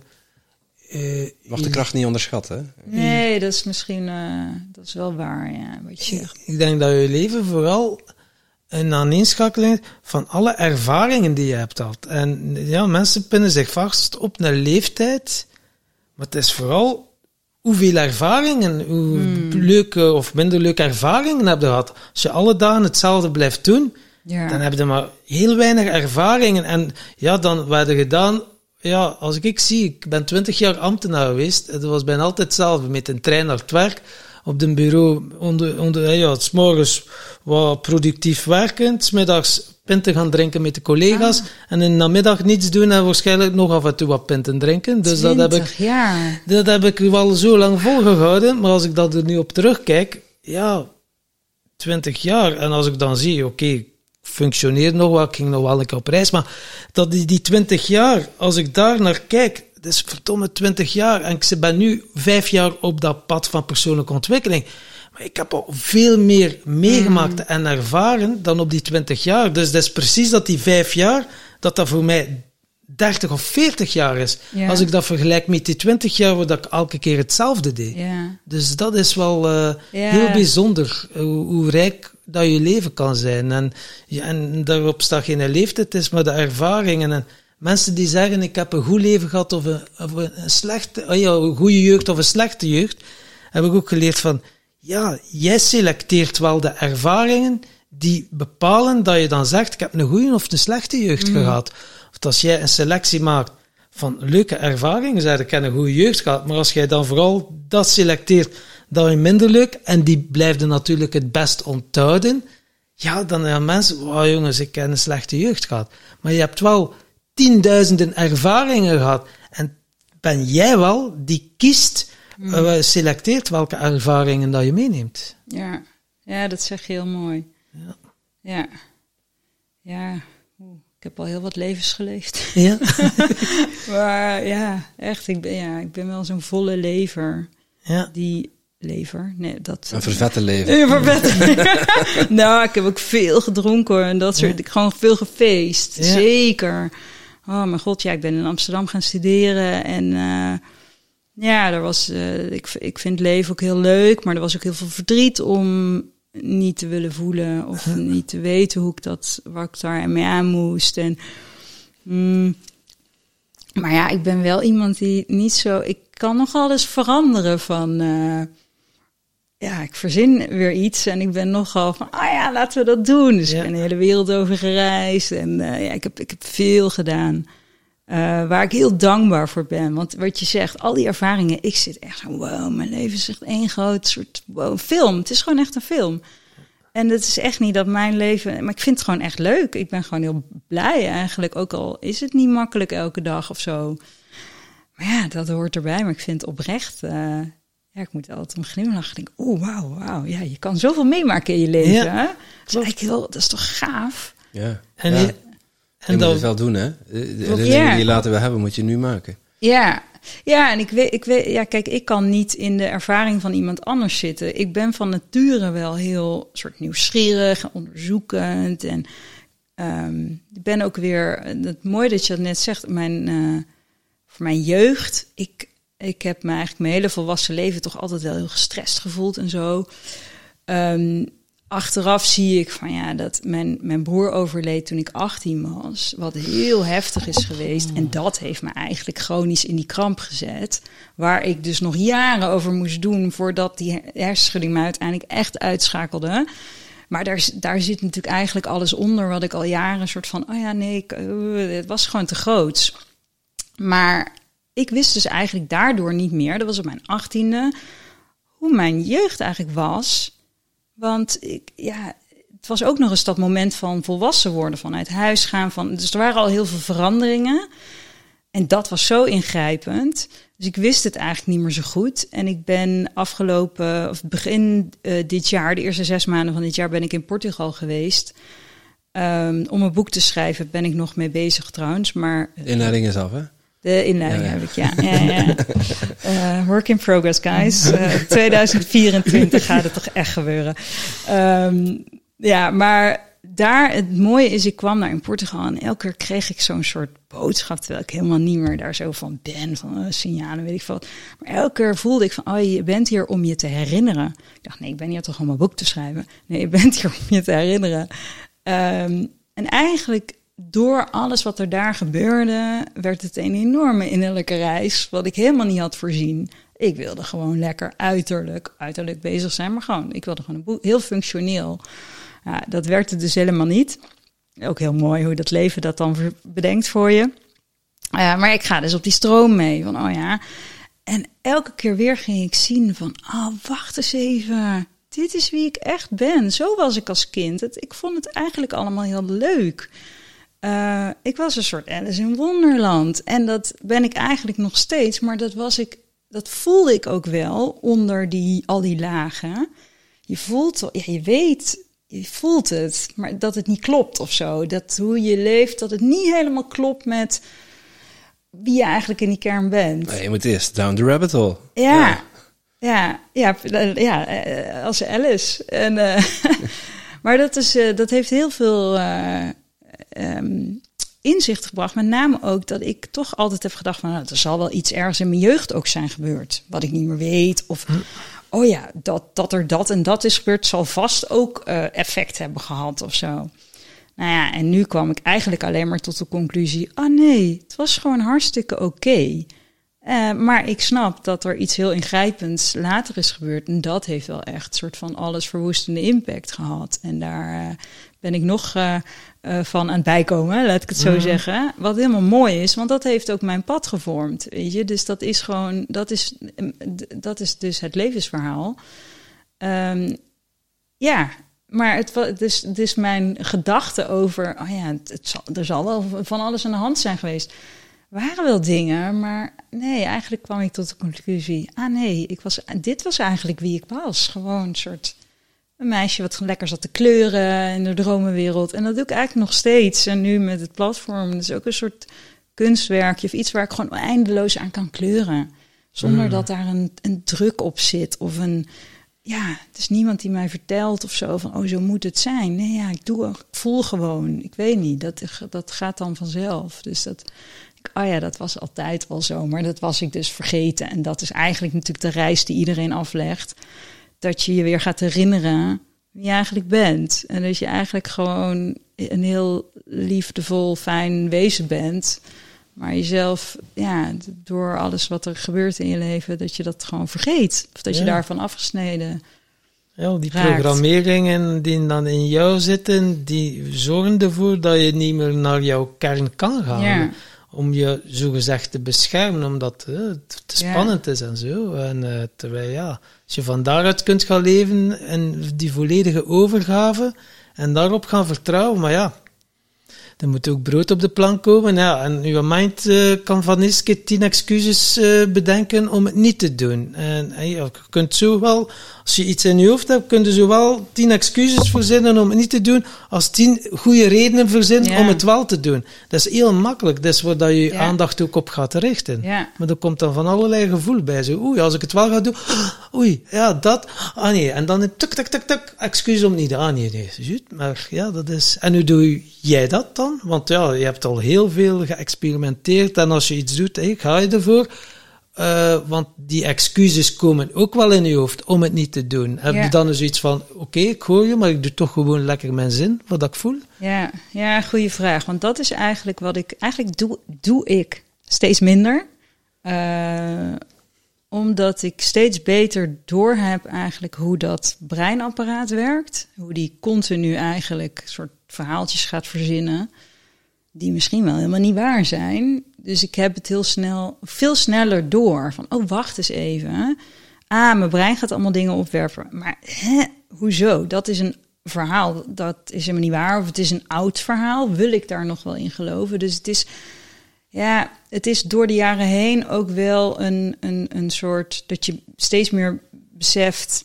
Mm, ah, wacht eens even, die gedachten die komen, die komen altijd. Maar ja, wat heb je? Wil je, dienen die jou wel? Of moet je daar wel in geloven? En dat is, uh, ja, dat is ook weer dat stuk identificatie ermee en dat kunnen loskoppelen. Maar dat is, ja, dat, dat, dat komt met al die dingen of zo. Dus dat, dat lukt steeds beter. Dus als ik door heb, soms als ik merk gewoon, ik voel mijn lichaam steeds ook gewoon nu. Ik leef in mijn lichaam in plaats van in mijn hoofd.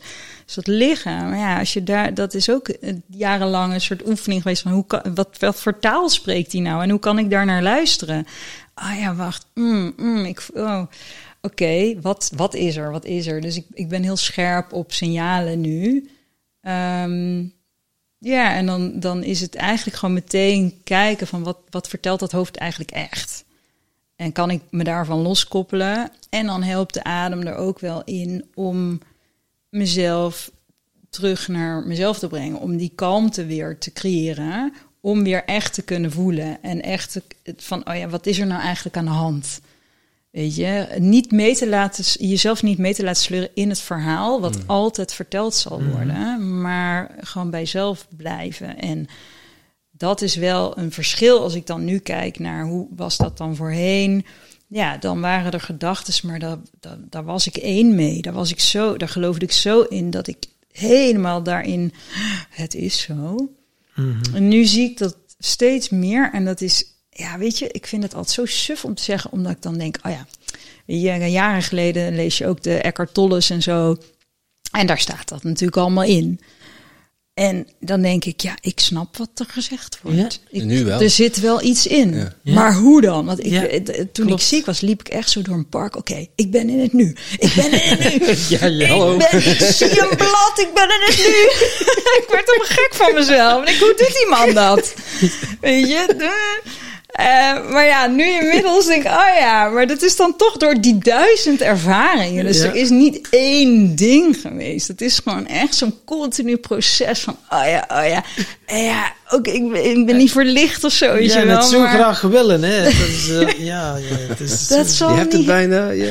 En dat, nou, er zijn wel eh, bepaalde ervaringen ook geweest die me heel erg uh, mooi, nou ja, laat ik zeggen, hebben laten inzien ik was altijd wel op zoek of zo van, oh ja, naar een antwoord. Of hoe zit dat dan? Of wat gebeurt er na de dood? En ik, ik ben zo soort nieuwsgierig van, hoe zit dat nou? En één ding wat ik dan, want in mijn ervaring, daaruit heb gehaald door al die ervaringen, is dat ik het nooit zal weten. Omdat zolang ik die mind heb, die is zo beperkt dat is zo'n filter. Dat is zo'n. Uh, die heeft zo'n invloed dat ik nooit. Zolang die actief is, kan ik nooit in de ervaring zijn. Dus ik heb wel de, de soort ervaringen gehad. Maar als ik dan gewoon weer hier nu in die 3D-wereld, dan kan ik er niet eens woorden aan geven, omdat die woorden het eigenlijk meteen al plat maken. Dus eigenlijk al andere weer dimensie bijna. Ja. weg. Ja. Dus het is niet grijpbaar voor het, het menselijk soort, we zijn te beperkt. Ja, ja en nee, want we hebben wel degelijk een tool om, om, om dat uh, waar te nemen. En dat doen we niet met, ons, met, met, met, je, met je denken, met je brein. Niet met het begrijpen, maar met het voelen. Ja, ja en dan, dan nog is er dan altijd die mind die actief is, die daar dan een interpretatie. Die wil maar begrijpen, die kan niet voelen. Die gaat analyseren. Dus die gaat, eh, stel je het een ervaring en dan kan je al heel snel denken, oh, dat zal wel een vorig leven zijn geweest. Bijvoorbeeld, ik zeg maar wat. Ja, dat, weet, dat weet je eigenlijk. Ja, dat weet je niet. Ja, nee, ja, dat geeft er maar betekenis aan. Super mooi, want het is heel fijn om te kunnen kaderen en te kunnen ja. soort duiden. En dat is wat dat brein doet. Dus uh, dat gaat meteen uh, iets, uh, soort van, ja, moet ik het uitleggen? Ja, die, die- die- vers- verstollen of zo. Ja, ik, kan, ik, ik kan er dus niet echt. eh, Ja, je brein wil... Dus, je, tenminste, je ratio, die wil het... Ik, ik, ik snap heel goed wat je zegt, want ik heb dat ook. Eh, dat, het, het dient je niet, hè? Maar het, het, het brein wil, wil dat vastpakken en in een vorm gieten en het een label Ja. geven of het een betekenis geven om het maar te begrijpen en dan daar vrede mee te hebben. Ja, Of zoiets. om, om er gewoon een soort Ja. van chocola van te kunnen Eigenlijk, maken. eigenlijk is het gewoon... Maar het, het doet eigenlijk Doet meteen al af. Nee, Ja, dat is mijn toe. conclusie. Maakt niet uit. Ik hoef Oké, dan is het rood, is goed. Ja, ja, maar het is blauw. Dan is het blauw, ook goed. Whatever. Ja. Maar blijf bij je gevoel en dan... Ja, en ook is. uiteindelijk draait het leven ook om eh, niet zozeer om al die antwoorden te krijgen, Nee. want die krijg je niet. Eh, uiteindelijk weet niemand het, hè? Eh, dat kan gewoon niet, want we zijn gewoon te beperkt. Maar dat maakt niet uit. Het is gewoon leuk hier. Enjoy the now en eh, wees lief van elkaar. Oké, nu word ik heel erg soort. maar nee, ja, weet je, tenminste voor mij heeft het heel veel rust gegeven dat ik bepaalde ervaringen heb gehad. ehm, die me hebben laten inzien, ah, oké, zolang ik hier zo eh, als een soort eh egootje zit, zal ik nooit dat weten. Want ik heb wel die, weet je, ook al heb je ervaring gehad, dan nog, zodra je weer hier bent, kan je dat al niet meer grijpen en dus Nee, ook eigenlijk niet bevatten. Voorbij het weten. Het is veel groter en dat is niet te bevatten met het brein of met het ego-denken of nou ja. Dus ja, en dat is fijn. Dus dat is wat het is. Dus dan hoef ik ook niet meer zo krampachtig bezig te zijn met eh, oh wow, ik eh, moet, een, moet verlicht raken of moet een antwoord hebben. Ja. Nee, dat hoeft niet. Tenminste, het geeft mij al rust. Ademen. Ja, ademen brengt je naar dat gevoel. Naar, eh, uit je hoofd naar je, naar je lichaam. Nee, je lichaam, het is echt lichaamswerk. Ja. En dat, Iem- Iemand die er ook heel goed doet is Vele Dobbelaren. Die, die ken je vast wel. Die woont ook bij jou in de stad. ja, dan moet ik even. is een act- actrice. En eh, zij heeft de switch gemaakt van, van acteren naar eh, coaching. Ze doet ook ademwerk, ademruimte. Hmm, Weet haar methode? Gewoon jezelf letterlijk meer ruimte ademen. Door, door het even te laten verstillen en die ruimte daar te creëren. Zij komt Ja. ook nog als festival overigens. Ah, leuk. Heel laagdrempelige manier om eh, met ademwerk in contact te komen. Dat is eh, wel veel haar visitekaartje. Ja, oh, mooi. Ja, stadsgenoot. Ja, ik, ja, ik woon natuurlijk in België. Ja, eh, dat is inderdaad ook wel interessant. Dus dan zit in eh, de wereldstad Amsterdam. Allee, ja, Antwerpen is nu ook wel een vrij grote stad. En dan eh, denk je zo van, oké, en dan kom je hier je geluk zoeken. Maar ja, Ja. je bent niet, niet vies, hoe zeg je dat? Niet vies om eh, wat te experimenteren en te gaan Ja. ontdekken en van alles te gaan doen. Ja, Eh, want ja, ik hoor dan ook, ja, wat, ik zes maanden naar Portugal. Oké, check. Dan een keer dat, een keer dat. En nu woon je in Antwerpen en dat is gewoon fijne energie, leuke burgemeester, of eh, wat is het? Of eh, lekker veel gasboetes aan de worden gegeven, of eh, ik, geen idee wat dat je daar... eh, boetes. Hou op, man. Dat is wel waar hoor. Elke keer als we er komen krijgen we er een. hè. Oh man, ja, ik had, dat is ook, ik heb pas eh, twee jaar een rijbewijs. Het is mijn eerste autootje die jullie net hebben gezien. Dus ja, die in Antwerpen is hij wel, was hij al vrij snel een keer weggesleept. oh shit, al die paaltjes overal. Het is gewoon, Ja. nou goed, maar nee. eh, ja, ik, had, ik heb 22 jaar in Amsterdam gewoond, dus echt wel een flinke poos. Ik had eigenlijk zoiets van, nou, ik ga daar nooit weg. Ik vond dat zo'n leuke stad. Ik wist al, ik kom uit Brabant. Eh, daar ben ik geboren en getogen. Dus ik ben wel een zuiderling in Nederland. Maar ik was 17 en ik had mijn VWO klaar. En dacht, ja, ik ga naar Amsterdam, want ik weet echt niet waar ik anders heen moet. Dat vind ik zo cool. Dat, dat, dat was zo'n aantrekkingskracht. Terwijl niemand uit mijn klas daarheen ging, want het was best wel een soort van grote stad en ver. Maar ik vond dat echt te gek. Dus dat heb ik altijd gevonden. En ik dacht dus dat ik nooit er klaar mee zou zijn, totdat ik er klaar mee was. En toen wist ik, oké, ik moet weg. Het is eigenlijk zit ik hier al voor mijn gevoel, of ik moet weg, ik wil weg. Te lang als, als, als een soort jas die je ooit hebt gekocht, die echt de coolste jas ever. En dat je dan na twintig jaar denkt, oh, heb ik echt nog steeds die jas aan? Hij staat me eigenlijk heel niet meer, hij past niet meer bij me. Hij was heel mooi, maar hij is niet meer voor mij. Weet je, dat gevoel. Was de stad ontgroeid en de stad was te groot gegroeid. Ik vind Amsterdam echt hysterisch druk geworden. En ik kreeg daar helemaal niet meer dezelfde energie uit als dat ik altijd kreeg. Het raakt me nu helemaal, soort, maakt me overprikkeld zelfs, omdat ik overal in de rij moet. En alle restaurants zitten altijd vol. En het is echt gewoon druk. Ik kan niet eens gewoon, ik moet in de file over het voetpad heen. En um, ja, het is nog steeds een fantastische stad. Maar ik voelde gewoon heel sterk, oké, ik, uh, ik zit toch, ja, je komt weer in een soort andere fase in je leven en het paste niet meer bij me. Dus, nou ja, toen, ja, waar dan? Waar dan? Ik wist het niet. Ik heb toen, er was coronatijd en ik heb echt heel Nederland ingezoomd en uitgezoomd. Omdat ik dacht, ja, ga ik in een tiny house wonen? Ga ik in het groen wonen? Ga ik, wat, wat dan? Terug naar uh, Brabant. Ja. Terug naar Brabant. Terug naar Brabant, ja. Nou, uiteindelijk kwam, was ik daar het meest georiënteerd. Omdat ik, dat had ik ook nooit verwacht. Maar ik voelde van, ja, eigenlijk ik heb, mijn broer dan overleden. Ik heb eigenlijk, mijn ouders eh, zijn er nog. En dat zijn, dat, ik vind het zo fijn dat ik die nog kan zien. En de band met hun is afgelopen jaren ook zo verdiept.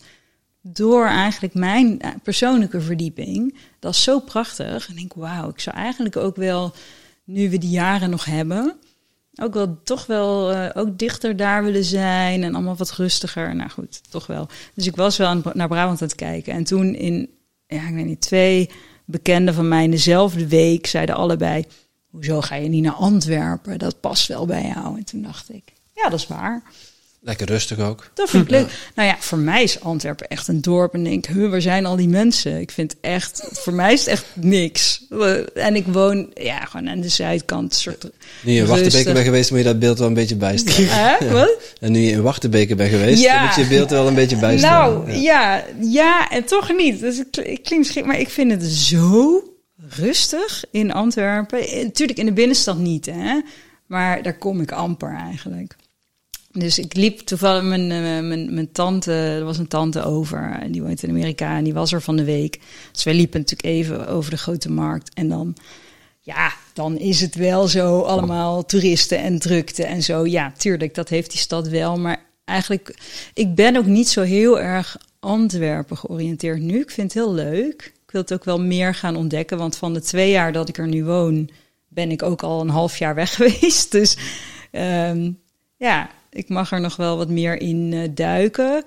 Mm, maar ja, ook gewoon. Maar ik heb gewoon een fijn huis daar. En dat is gewoon fijn of zo. En er is ruimte. En er is alles wat ik in Amsterdam.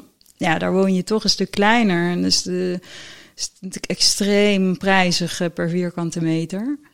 Um, en nu heb ik gewoon ook gewoon ruimte en een bad en allemaal dingen die ik heel graag wilde. Een soort veel meer selfcare. Dus het huis, ik ben liever voor het huis. Het huis is liever voor mij. Ik heb een, een, een, een etage waar ik gewoon elke avond heel graag ben, omdat ik daar mijn yoga, mijn dingen, daar kan ik gewoon een beetje hangen. Een soort van mijn, ja, een, een omgekeerde mancave of zo, weet je wel. Dus mijn yoga, mijn, mijn zweefzolder. Uh, en dat vind ik zo fijn. Dus ik heb echt ruimte om te, te zijn. Ik kan dansen in mijn badkamer in de ochtend. Weet je, ja, dat is voor mij. Ik ben echt heel erg aan het, aan het zijn in dat uh, daar. Dus niet zozeer. Ja, oké, ik vind Antwerpen ook wel leuk, maar ik ga vanavond naar Gent. Vind ik ook leuk. Ik vind het gewoon leuk. Ik heb nu ook het gevoel, en dat is mooi eraan, dat ik eigenlijk altijd altijd onderweg ben, op vakantie ben, op reis ben. Mm. Uh, omdat ik heel veel ook naar Nederland ga, veel voor breathwork events en coaches opzoeken en er is altijd wel wat ja, mijn basis is ook gewoon Nederland, dus ik heb daar veel.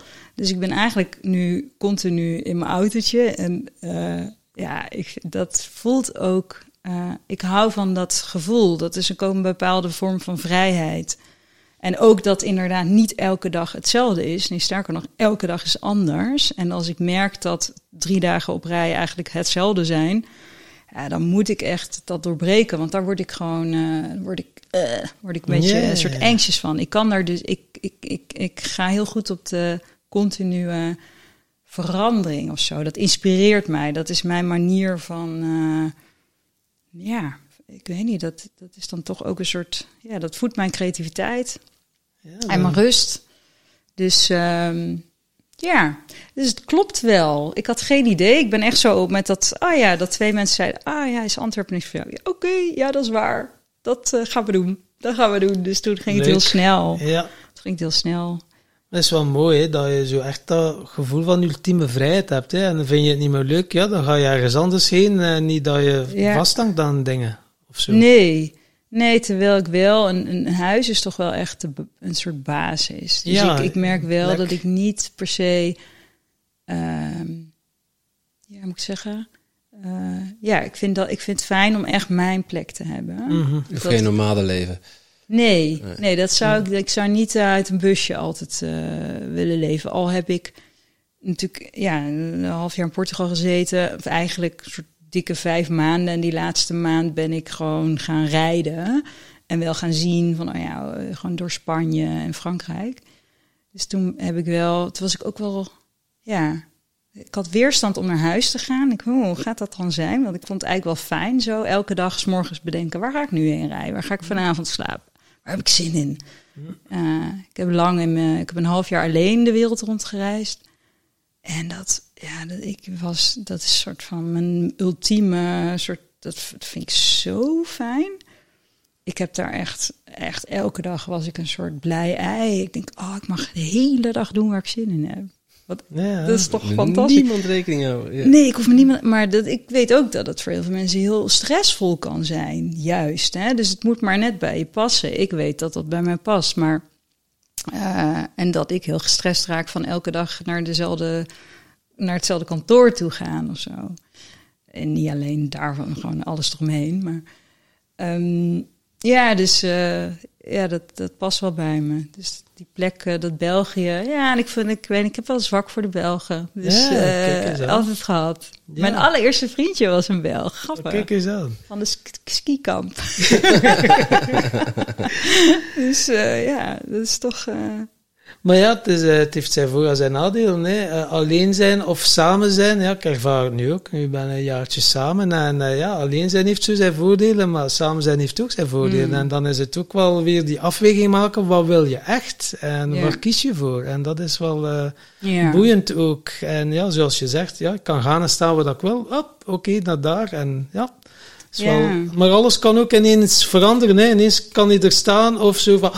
Ja, en uw leven kan er weer helemaal anders dat uitzien. is... eh, ja, daar hadden we het in het voorgesprekje natuurlijk ook Ja. over. Dat, eh, ja, alles wat er is, is oké. En eh, ja, ik sta met name open voor elke ervaring. Dus het is niet... ja...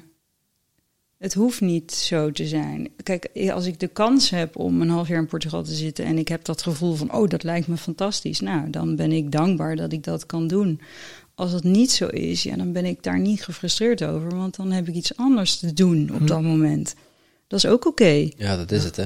Ja. En dat Kun je is, gewoon oké zijn met wat er is. ja, dat is het uiteindelijk. Van, is dat oké? En eh, ja. Een hele gezonde levensvisie. ja, Ja. maar wel toch van, ah ja, wat de situatie ook is, ik, ja, vind, ik probeer er toch altijd wel een leuke, of een leuke, maar gewoon een mooie, een mooie ervaring, een rijke ervaring. Dus Ja, dus het is niet altijd voluit- leuk of zo. Voluit leven is dat uiteindelijk. hè. Alle- En wat dat het ook mogen zijn, accepteren wat dat er is en het Ja. zo leuk mogelijk. Maar, en eh, ja, om eh, over ervaringen en zo te spreken, ik wil een bruggetje maken, maar ik vind het bruggetje niet. Maar eh, ik we zie je zoeken. Ja.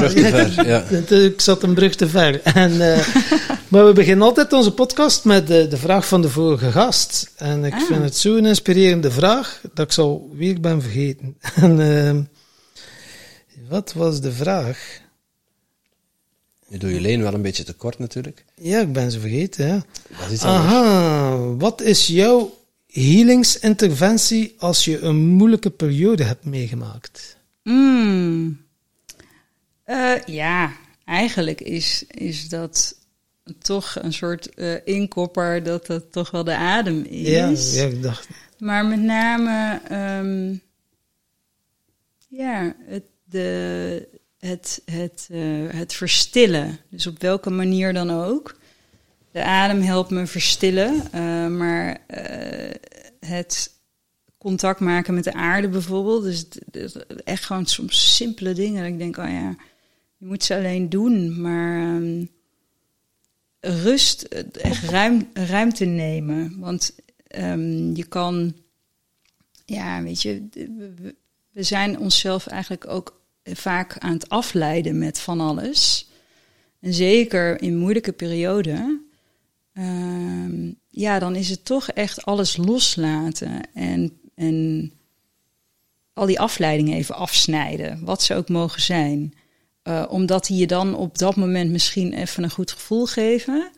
Maar ja, terwijl je misschien eigenlijk iets anders nodig hebt. Gewoon misschien een avond even niks. Of gewoon nee zeggen tegen alles. Ehm, dus ik denk dat verstilling en de adem helpt me daar heel erg bij. En ook om te voelen en om mijn lichaam te checken. En, eh, en om het ook te kalmeren.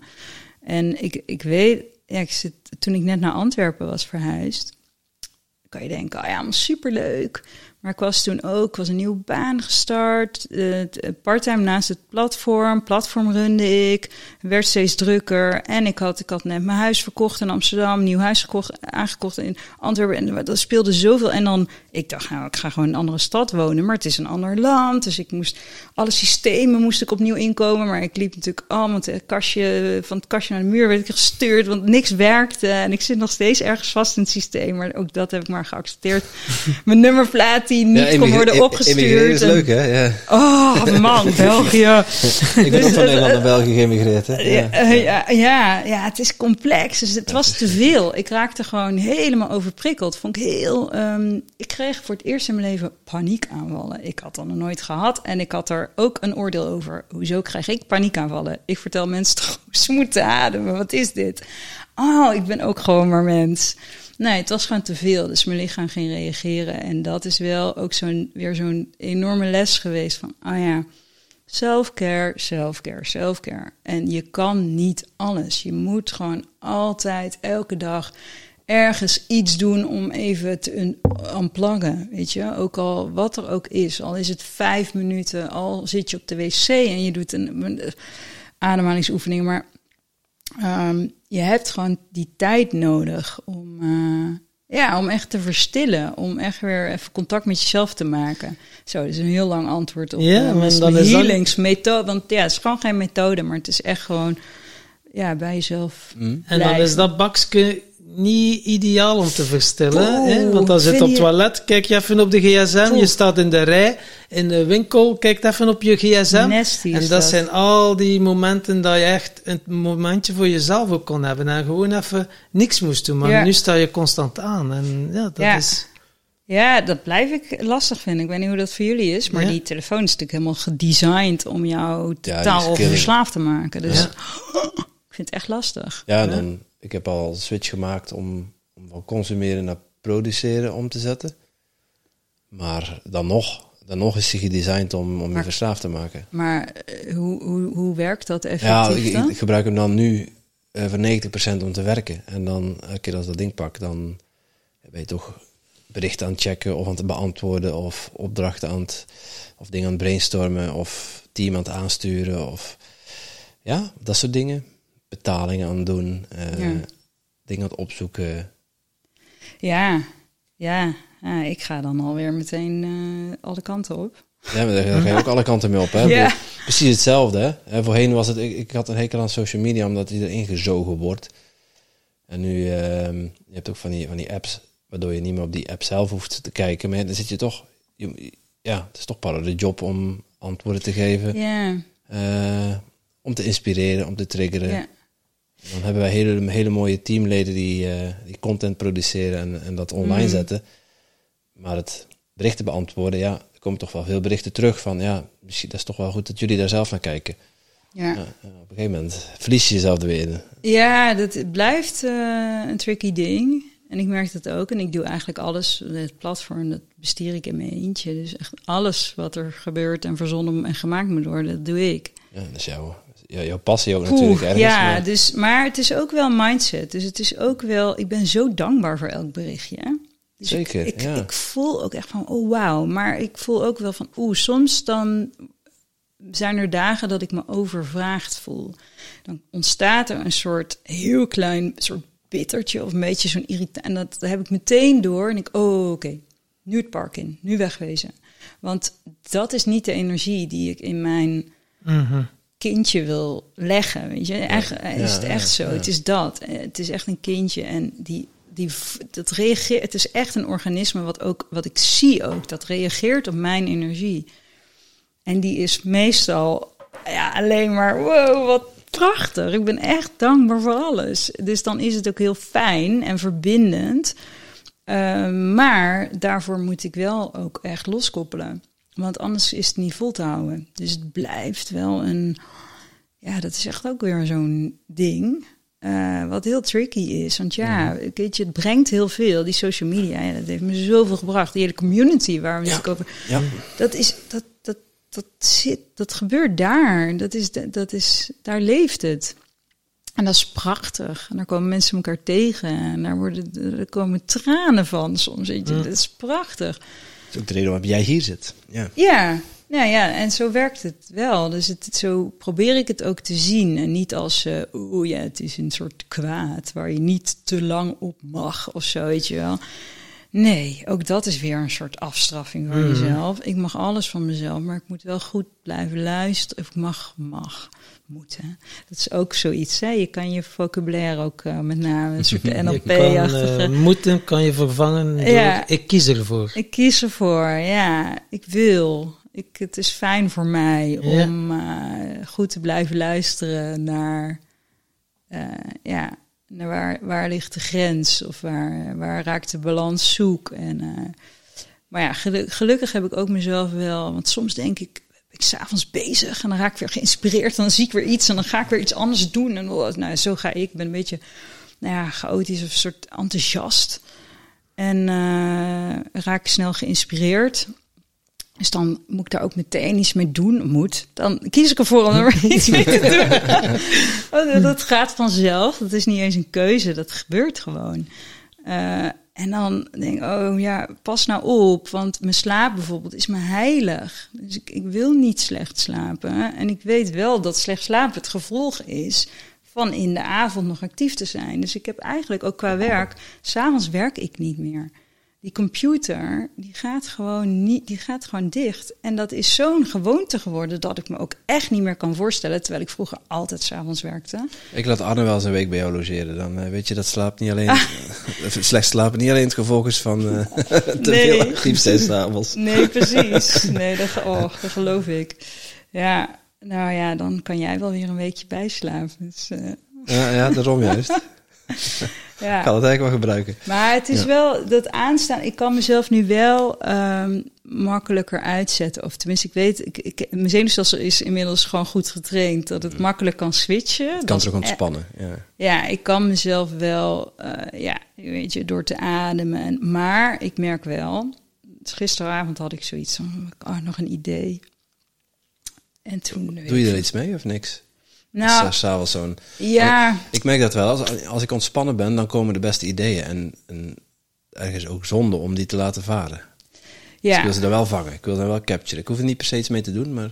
Ja, en dan, ja, ik ga niet meteen iets, maar het is meer dan een soort research voor iets. Of, maar dat kan ook een eh privé-ding zijn. Gisteravond dacht ik, oh ja, eh, mijn moeder vroeg me wat wil je voor je verjaardag? En ik, oh ja, ik moet nog iets verzinnen. Dus ik ging even op internet kijken wat er allemaal voor leuks te verzinnen was of zo, weet je wel. En ik, oh ja, dat moet ik eigenlijk niet meer doen. Het is al tien uur en dan wil ik niet meer... Ik was eigenlijk op mijn yoga-zolder eh yogales aan het kijken. Maar ja, toen had ik daar dus mijn laptop. Dus dat is zo gevaarlijk is het. Ja, ja, ja. Want die les was klaar. Oh, dan kun je toch nog even kijken. Maar dan weet ik dus eigenlijk, ja, shit. Ga ik dus, mijn slaapkwaliteit gaat dan echt achteruit. En dat merk ik ook. Dus ehm, ja, ik had vannacht wel zo van, oh ja, ik voel gewoon, ik voel zo goed dat ik eigenlijk te veel aan eh, sta. Eh, om echt in die diep herstellende slaap te kunnen komen. Oké, nou, daar ga ik mezelf dan niet voor afstraffen. Ik ben heel blij met alle, weet ik veel, poeven die ik heb bekeken op internet gisteravond. Prima, dat is ook zo'n ding. Je kan, als je op het moment dat je dat dan heel erg gaat vinden, ja, dan wordt het ook erg. En nu denk ik, oh ja, oké. eh, ik heb vandaag toch weer een leuke dag, want nu zit ik hier. En eh, ja, is ook goed.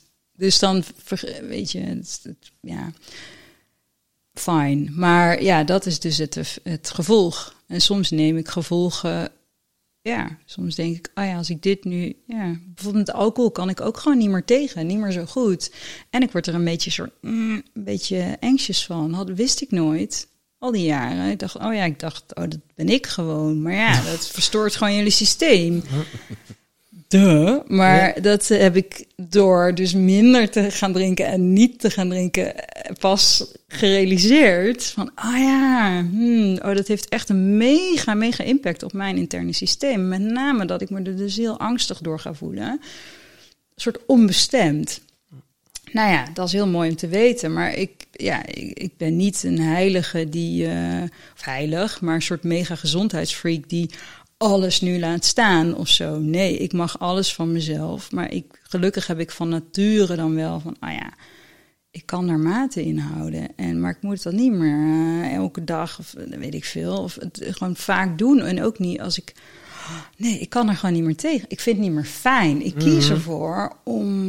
Ik vind het veel fijner om gewoon leuke, fijne dagen te hebben. Ja, daarvoor is slaap en geen alcohol en al die dingen. Ja, dat helpt allemaal. Maakt je dagen gewoon leuker. Maar ja, soms vind ik het ook zo fijn om met een goede vriend een goede fles wijn te delen. Ja, fijn. Ook daar kies ik voor. Ja. Als ik me dan die dag erna iets minder voel. Vaak is het niet zo, want als ik dat al mag van mezelf, dan is er vaak ook veel minder aan de hand. Dus het is, het is allemaal zo. Ja, ja, ja. Het zit allemaal zo in van die kleine. Ah, je hebt er niet allemaal controle op, maar het zit onbewust zit er zoveel in jou. Ja, maar dan heb je ook geen noodzaak om, Mindset. om jij helemaal Laplace te zuipen. Nee, nee. dat en als dat dan die ene keer per twee Ja. jaar of zo weer gebeurt, dan ja, eigenlijk niet meer. Maar ja, dan denk ik, ach, nou ja, ga jij maar een week lekker eh, een soort offline op de blaren zitten. even zelf kastijden. Kennelijk had je Ja. weer een les te leren. Leer je het dan nooit? Weer een fles te leren. Eh, Oh mijn god. Nee, maar dat gebeurt eigenlijk. Nee, dat, die noodzaak is er gewoon niet meer. Ja. Maar dat is, ja, want dat heb jij natuurlijk wel. Ja, en ik heb nu, ja, het is bijna zes jaar dat ik geen alcohol meer drink. En ja, dat is wel mijn beste beslissing ooit geweest, maar ik heb ook mogen ervaren. eh, ja, als bij mij werkt het niet als de deur nog op een kier staat. Dus dat ik van mezelf mag, dan kan er toch weer Mm. iets in mijn systeem gebeuren. Ja, en ik heb het een keer meegemaakt met jointjes, heb ik het nog meegemaakt. En ja, soms ook nog eh, met koffie, was ook zo. De- en nu is het voor mij veel makkelijker. Oké, ik drink geen koffie meer. En ik hoef ook niet meer te onderhandelen. Nee, geen koffie. En dat geeft mij ook heel veel rust. En dat is ook makkelijker voor mij. Om dan zo, ah ja, als ik nu een keer drink. En veel mensen zeggen, koffie is lekker. Maar ik kan u garanderen dat van afkicken dat dan een beetje... En ik dronk drie tassen koffie per dag. Soms een keer vier, maar niet meer.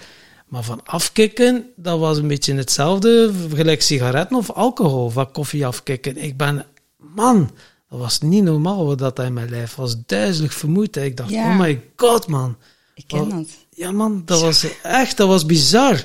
Ik, ik, ik vond dat zelfs nog erger dan alcohol of sigaretten, die koffie. Nou, de, de dacht- fysieke reactie, Oh. ik, had dat, ik had geen idee. Ik dacht echt van, wat de oh, Ja, is ja, dit? ja, ja, Ik heb een week lang kon ik niks. Gewoon brain fog, eh, Klopt. pijn. Ik kon niet lopen. Ik ging wandelen en ik dacht, "Huh, ik kan gewoon, ik kan niet. Ja. Ik kom niet vooruit. Ik, huh? Ja, ik heb toen ook een jaar lang geen koffie, maar ik ben toch weer begonnen. Oké, ja. Mm. Maar het is eh, eigenlijk stel ik nu bij alles wat ik doe heel bewust. Het gaat eigenlijk voor mij meer om dat bewustzijn. De vraag, ja, weet je, wat is mijn intentie? Wil ik iets verdoven? Ga ik een gevoel uit de weg?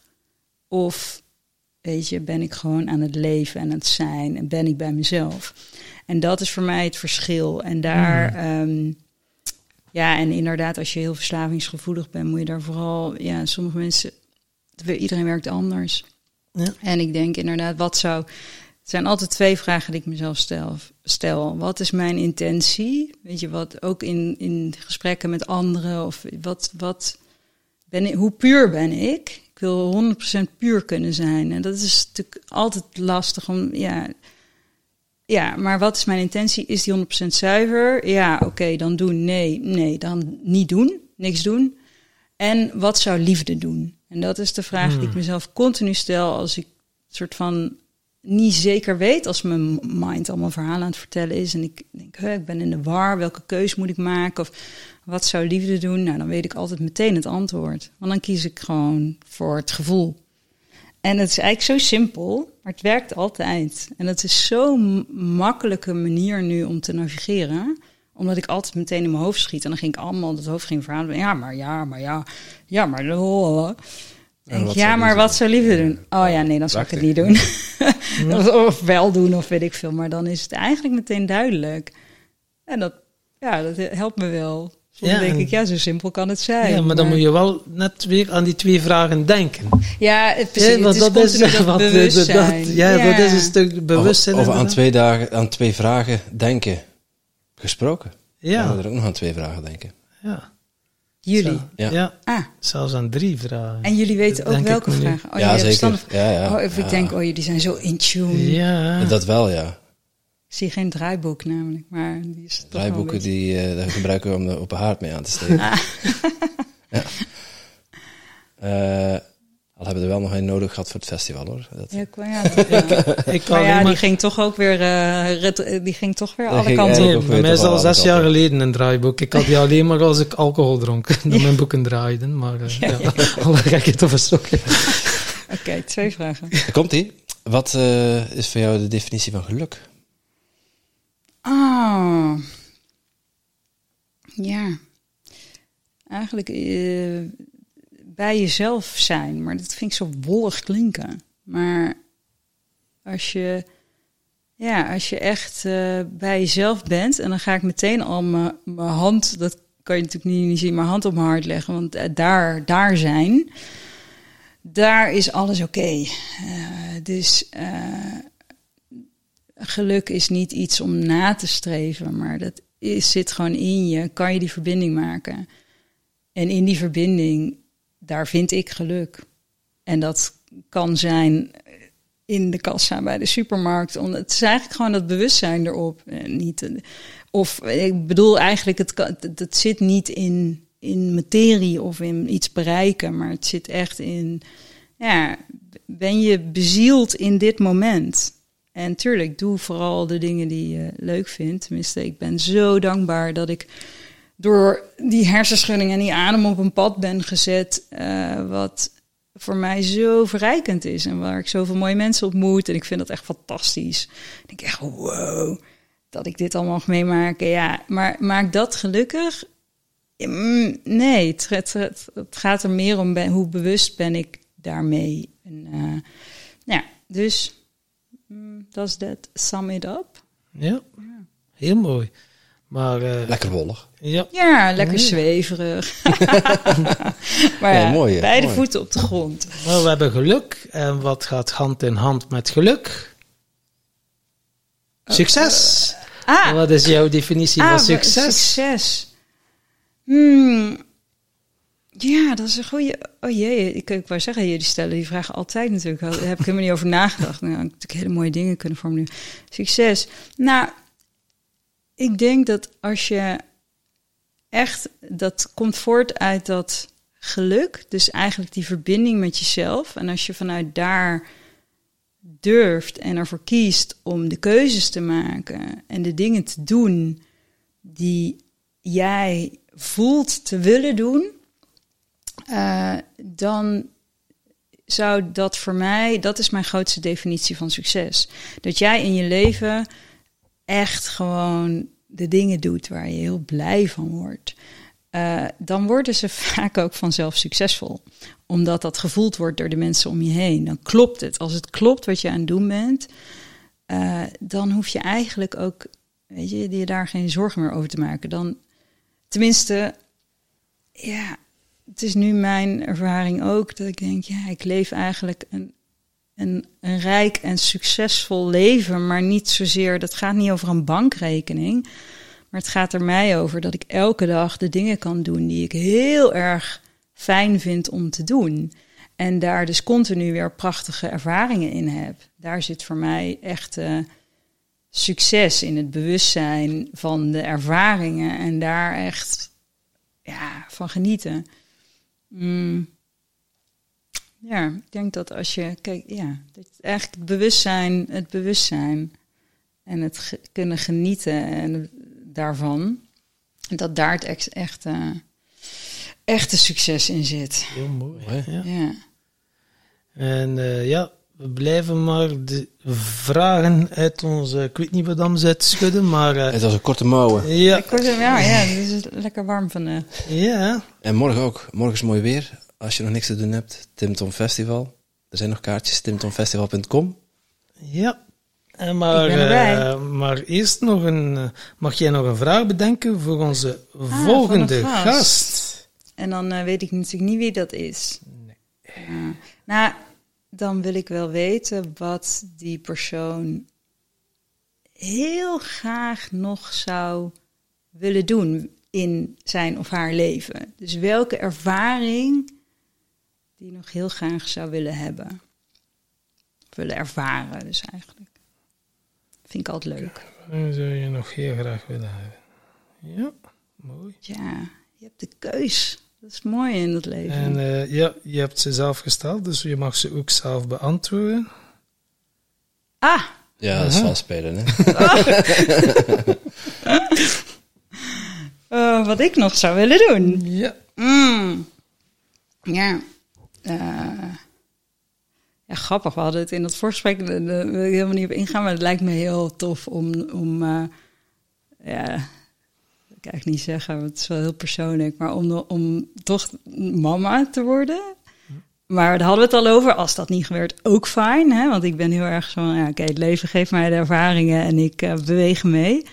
Dat lijkt me, lijkt me een ervaring die ik heel graag nog zou, dat, zou willen hebben. Niet zozeer van, oh, ik wil dat of dat moet gebeuren, maar meer van, wow, dat is zo'n intense ervaring. Dat lijkt me heel verrijkend. Ehm, ja, en voor de rest eh, heb ik heel erg van, ah ja, al die ervaringen die, eh, ja, die weet, weet ik ook niet altijd van tevoren. En dat vind ik eigenlijk ook wel heel Hmm. leuk eraan. Dat het leven zo veranderlijk kan zijn. En dat je ook je kan overgeven juist aan de stroom. En dus verrast kan worden. Dat is, vind ik ook altijd een hele fijne levenshouding. Omdat het je soort van, ja, een beetje, ik zeg, eh, een soort kinderlijk eh, verwonderd kan blijven over de ervaringen. Dus het, juist het niet weten is ook wel heel leuk. Ja, Ja. heel mooi. Mooi. Hey, als mensen meer willen weten over de breathwork movement, waar kunnen ze dan eh, terecht, Nicky? Nou, dat wat je net zei, eh, .nl, maar .be werkt ook, dus je komt er wel. De breathwork De, Breathwork Movement, lekkere tongenbreker. punt NL. Punt, punt NL in principe. Eh, maar het is eh, dus ook, ja, het is gewoon België en Nederland. Er staan ook veel coaches op in België ook. Nou ja, dat en natuurlijk op de Instagram. Niet allemaal tegelijk, want ik wil ook slapen. Maar eh, ja, at the Breathwork Movement. Dus dan, eh, dan kom je er wel terecht. En morgen op het Tim Tom Festival. Yes. Ik zeggen Tim Tom Podcast Festival. Tim Nee, Tom, Tim Tom Festival. Festival, ja. ja. Dus eh, daar ook. Mooi. In de Tipton podcast, want dan doen we weer een live. Ja. Jeetje, het houdt Iets niet op, jongens. dat doen we wel iets korter. En, eh, ja, want volgens mij zijn we nu drie dagen onderweg of zo. ja, zoiets, ja. Het, was, het was een fantastische Voelt het zo lang, ja? Nou ja, op een goede manier. Het is natuurlijk kort dag, hè, maar zouden we mensen die... eh, ja, het, ja, het is al de volgende Nee, dag. degenen die, die er echt voelen van ik wil hier nog bij zijn, die moeten naar timtomfestival.com. Ja, Voilà. vallen. Ja, inderdaad. Laat je verrassen. Doe eens een keer wat anders. Eens gek. Ja. Doe, ja. dat is leuk. Dat geeft het leven zoveel glans om gewoon maar elke keer nieuwe ervaringen op te doen. Zo leuk. Dus eh, Ja, en eh breathwork zal ook zeker van de partij zijn Ja. in eh, verschillende vormen. En, eh, lekker ademen. en lekker Ja. ademen. Ja, er is van alles te doen, dus eh, het wordt een leuke dag. Ja, Kijk ernaar uit. Dankjewel, Nicky. Dank u. jullie bedankt.